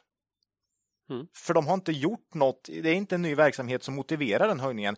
Man kanske kan få 11 i snitt, eller kanske 12, om man liksom successivt blir lite mer effektiv och Skalfördela lite skal- större. Lite så, ja. Men inte från 10 till 17 bara ett år. Det är liksom, så, så försök håll koll på en trend snarare. Det skulle väl kunna vara något jätteförvärv eller något Jo. sånt här. Ja, men då, då ska man hitta något sånt. Mm. Eller att nu är det inte bara äggkartonger utan nu har man liksom en helt ny grej. Ny produkt. Liksom. Ny produkt eller något. Ny marknad med helt andra förutsättningar. Så där har vi ett exempel. Det andra nu, New Wave. Mm. Torsten. Ja, Torsten, historiska marginaler mellan 5 och 10 procent och det är ju 15 år tillbaks i tiden. Har man alltid legat mellan 5 och 10 procent. Och så har det alltid sett ut. 2021 landar ebit-marginalen på 15 procent. Det är ju i mångt och mycket Hartman, får man ju säga. Ja, samma här. Det är samma här. Eh, vi har ju väldigt svårt att köpa bolag när det ser ut så här. För man funderar ju alltid på, är det uthålligt? Just i New Wave finns det dock något som skulle kunna motivera, om jag inte tycker det är Hartman, så här finns det ju något och det är ju då Craft här va, som ligger under ytan och som verkar växa väldigt mycket. Ett eget eh, starkt varumärke som jag tror kan ha mycket högre marginaler än mycket av det här no-brand eh, kläderna. Mm. Eh, så här skulle det faktiskt kunna finna någonting eh, som gör det här som att nej, det ska inte ha eh, sju i rörelsemarginal Mm. som snitt, utan det ska, kanske ska vara högre här då. Och om det är så, så vore det fantastiskt bra om Torsten kunde berätta det. Ja, nu gör ju inte Torsten det. Nej, men om han gjorde det Ja. så skulle han få upp värderingen på sin egen aktie Ja. också. Eh, Men oavsett tror jag inte vi skulle våga köpa New Wave och vi gör ju inte det nu heller, just för att det ser ut så här. Men även om det eventuellt skulle kunna vara så att det finns en förklaring så vågar vi inte göra det ändå. Så hjälpte det inte. Nej, Nej, Det vi, hjälper vi inte. tror aldrig på sånt här. vi tror aldrig, ja, lite grann som sagt. Eh, En gnetande uppåt över tid, men inte de här hundraprocentiga hoppen. Eh, Så ho- det är väl så vi försöker. Men Eh, om man håller ut där några år så kommer vi börja tro på det. Ja, precis. Jag skulle- Då är det ju så att, ja, men då var det craft. Det har väl antytts också här att det är effektivisering runt lagerhantering och lite stor, alltså man har skalat upp verksamheten i stort också, alltså stordriftsfördelar helt enkelt Mm. som, som, som kickar in och Ja. man känner ju alltid bäst på de sista produkterna. Mm. Man säljer för man har bäst. Ja, jag vet marginaler ju, där, Jag att- vet ju vad Phoenix Outdoor har på sina fjällrävenprodukter. Mm. Att de ligger på 30% ebit-marginal där liksom. Mm. Eh, och sen så har de ju 2% på butikerna. Mm. Så visst, om nu Torsten får upp ett starkt varumärke Mm. som kan ta ut högre, ja då blir det ju högre på totalen här. Men det vet vi ju inte riktigt här Nej. och vågar inte riktigt tro på det än. Men vi får se. Det vore kul med mer information. Mm. Så, så, så svaret här är ju kolla på historiken. Ser det väldigt konstigt ut med ett snabbt hopp eller två år som ser extremt bra ut? Mm, var lite försiktiga. Och svaret blir nästan att eh, nej, vi tror inte att du Vi tror inte det är uthålligt för bolaget är inget nytt. Om man nu inte har gjort ett jätteförvärv ja, eller vad det nu är. strukturell förändring. Strukturell förändring. Ja, det var Mm, den det var frågan. Eh, Nästa fråga då. Jag har lyssnat på ert filosofiavsnitt flera gånger och en sak som jag fastnar för är att ni säger att eh, framförallt försöker vi få rätt på omsättning och rörelsemarginal och då faller vinst per aktie ut. Kan ni förtydliga hur ni räknar fram vinst per aktie utifrån omsättning och rörelsemarginal? Jag tar ofta en schablonränta på 5% av nettoskulden och räknar bort den från rörelseresultatet och tar bort 22% i skatt. Är det en bra metod? Säger då lyssnaren. Ja, nej men och, vi har ju sagt det, vi, vi försöker ju uppskatta omsättning och rörelsemarginal, det tycker vi är det man ska lägga mest krut på. Eh, och då får man ju ett rörelseresultat. Eh, från det ska man ta bort finansnetto. Eh, här kommer det ofta ganska mycket engångsposter, eh, exempelvis valutaomräkningar och så vidare. De är ganska svåra att förutse eh, och det brukar inte vi försöka gissa oss på så noga heller. Vi tittar ganska mycket på historiken. Vad är, har räntekostnaderna och ränteintäkter om man har sådana? Historiskt små, kan bli större snart. Vad de brukar uppgå till. Sen får man titta, har man tagit upp nya lån? ehm, får man ta med dem. Men, men om man inte har gjort det och ändrat finansiella ställningen särskilt mycket så, så är historiken en ganska bra approximation. Då. Ehm, och har man ökat skulden så får man försöka uppskatta det. 5% låter ganska högt ändå som schablon. Ja. Eh, även om räntorna har gått upp nu på slutet. Då. Sen kan man ju säga att räntekostnaderna kommer ju vara högre framåt än historiskt. Så att man får ju ta med det. Det blir ju lite viktigare post på slutet. Då. Och vi har justerat upp våra finansnetton lite här framåt Precis. i alla bolag. Som får, Eftersom det nu har blivit så stor effekt. Sen, förutom Kabe då som inte har Ja, KAB har inga skulder så att, eh, då får man, eh, kan man Det öka lättare. lite, lite ränta Man kan kanske. väl få en liten peng på banken. En liten peng för till Eh, nej, men sen, sen är, så det är en viktigare post än tidigare, men, men, eh, 5 låter lite högt. Mm. Eh, sen rörande skatt då, så tittar vi ganska mycket på historisk skattesats. Eh, för bolag med verksamhet i Sverige är det ofta svensk bolagsskatt 20,6 procent som gäller. Eh, men för bolag på Malta till exempel så är skattesatsen mycket lägre. Betsson historiskt runt 7 procent. Så, så då blir det väl ganska fel om man sätter 20 procent. Så att titta lite grann på vad bolagen har. Ja. Sen är det svårt med bolag som har verksamhet i många olika länder. Eh, amerikanska dotterbolag som är stora och så vidare. Eh, titta igen på historiken. Eh, kolla, lägg samma sak framåt så att säga. Sen är det ganska vanligt att bolag på konfkurs och sånt får frågan om vad, vad tror ni om skattesatsen framåt och då kan man, ju, kan man ju lägga in det så att säga. En hel del. Och, och vissa skriver också om det i rapporterna. Ja. eh, Att eh, vi ser en skattesats som 24 procent som uthålligt rimlig. Och då, då skulle vi lägga den Ja. helt enkelt. Eh, Eh, för, för bolagen är de som har bäst koll på, på de här olika delarna. Ehm, sen, sen kan man ju säga, och ha med sig att att vi säger att man lägger vikten på omsättning och rörelsemarginal är att liksom mindre fel på finansnetto och skatt är inte det som kommer att avgöra analysen. Nej. Eh, bättre att spendera tiden på omsättningen och rörelsemarginalen än att fundera på exakta finansnettot och skattesatserna. Ja, och skatte, skatten slår också lite mellan kvartal beroende Ja. på avyttringar och massa grejer. Och den är ganska svår att förutse. Det dyker alltid upp konstiga poster. Jag brukar säga att det är något man inte förstår så är det skatterelaterat. Ja, Liksom. ja alltid. Så, så att eh, lägg mest kraft på omsättning och rörelsemarginal tycker vi. Ja. Ja, eh, fråga fyra här då. Jag har suttit och gjort Olas lågkonjunkturtest och funderar på hur man tänker man ska tänka om den lägsta rörelsemarginalen är negativ. Då blir ju hela ekvationen negativ. Kan man använda negativ rörelsemarginal i denna ekvation eller ska man använda ett annat värde? Nej, här blir det ju väldigt svårt. Vi gillar ju för det första inte förlustbolag, så vi har ju liksom på något sätt försökt valt bort dem redan från början. Och när vi har gjort de här lågkonjunkturtesten så är det ju med bolag som bara har visat vinst under överskådlig tid. Mm. Det är ju det vi har gjort. Det är ju lite lätt för oss. Där. Ja, för negativ rörelsemarginal funkar ju inte här såklart. Eh, utan det är ju positiv rörelsemarginal. Om man ändå vill göra det här, tänker jag, på bolag som har gjort förluster enstaka eh, tuffa år konjunkturmässigt, då kanske man kan kolla på snittlönsamhet istället. Mm. För det är, i mångt och mycket är det ändå det som är det viktiga faktiskt. Vad levererar bolaget i snitt över 15 år eller vad det nu är? För ibland är det högre, som 2021, många hade högre rörelsemarginal än historiska snittet. Och i lågkonjunktur som 2009 till exempel så var det många som hade mycket lägre än sitt historiska snitt. Mm. Så då kan man istället säga vad är snittmarginalen för det här bolaget de senaste tio åren? Eh, och då använda det som någon rimlig approximation på ett snitt framåt också. Men kom ihåg då att det kommer nog bli sämre kanske då ett lågkonjunkturår än de här snitten. Va? Mm. Eh, det vill säga sämre marginal dåliga år och bättre marginal eh, bra år.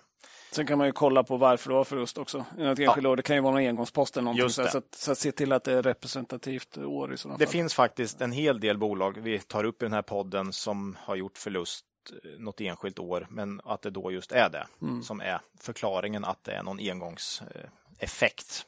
Så, det så kolla extra noga på det året. Liksom. Ja, ja. Jo, ja, precis. Den är ju väldigt bra. det, det, är- om du ser en graf eller eller en tabell på börsdata eller ett stapeldiagram och så ser du 14 år med vinst och ett av de här 15 åren är förlust. Då är det ju givetvis att det året man ska gå in och försöka börja kolla vad hände där. Så Det är att, något speciellt. Liksom. Ja. Mm. Och, och det är ju ganska vanligt att det är det. ja, vä- väldigt vanligt. Mm. I alla fall kvalitetsbolag. Så att, men, men vi gör det lite lätt för oss. Att vi försöker undvika bolag som gör så mycket förluster. Men, eh, Det, det, på något sätt känns det, det känns, börsen börjar ta ut en del, hel del skit, för man känner också nu att många funderar på om Nej, men ett lågkonjunktur, det är alldeles för positivt. Vet du. Det, är liksom, det är inte rimligt, det kommer bli mycket värre den här gången. Det, Då tycker man att, ja, nu börjar vi ändå tro på lite riktigt, riktig skit här framåt. Så, men så jag att, för mig, du gjorde väl något nu när du tog bort 20 procent Jo, omsättning? nu Jag tog jag för mig vi tog bort 10 när jo, gjorde det förra precis. gången. Så, att, så, eh, så att även jag har ju börjat tänka, ja, men tänk om det blir ännu värre. ja. Så nu är jag liksom och kör 20 procent bort på omsättning och sämsta rörelsemarginal de sista 15 åren eller vad det är. Mm. För Så att att- se vad det blir. För att se vad det blir då. Och hittar man då P 13-14 så lär det ju vara ett intressant köp. Liksom. Mm. Ja. Mm.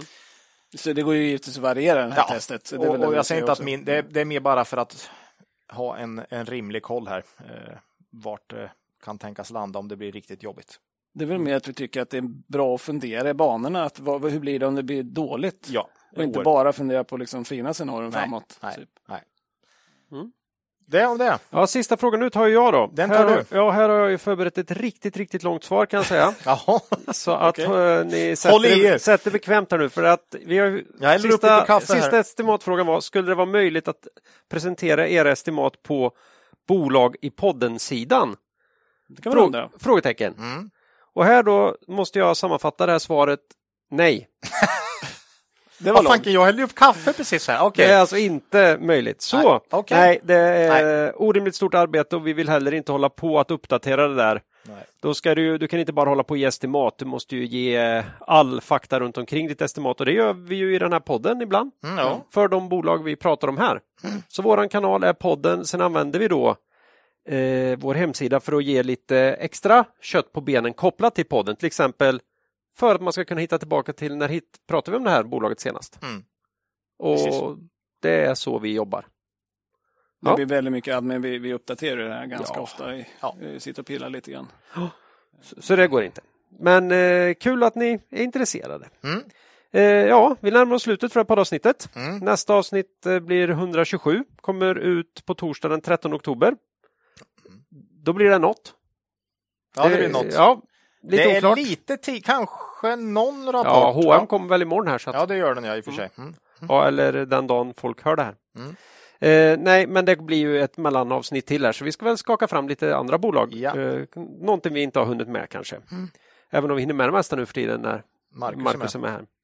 Eh, man kan eh, mejla oss, gärna på kontaktet kvalitetsaktiepodden.se. Man kan kommentera på Twitter eller på vår hemsida kvalitetsaktiepodden.se. här kommer vi till den här punkten då vi, ja, vi vill absolut inte missa om det finns någon viktig makro eller TA vi borde ha tagit upp. Ja.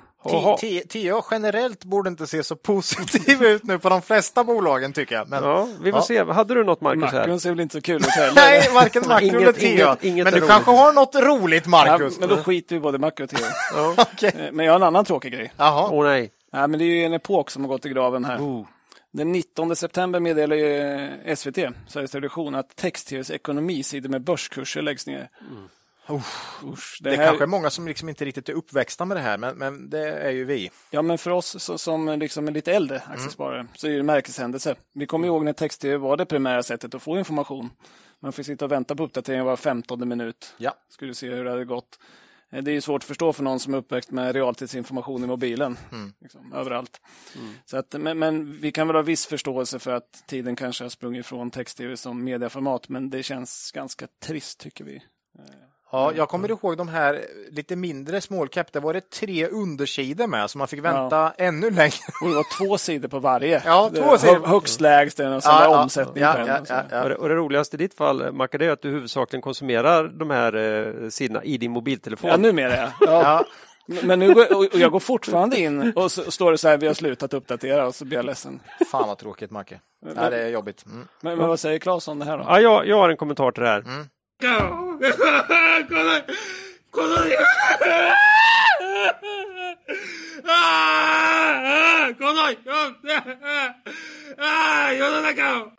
Ja, eh, eget ägande då?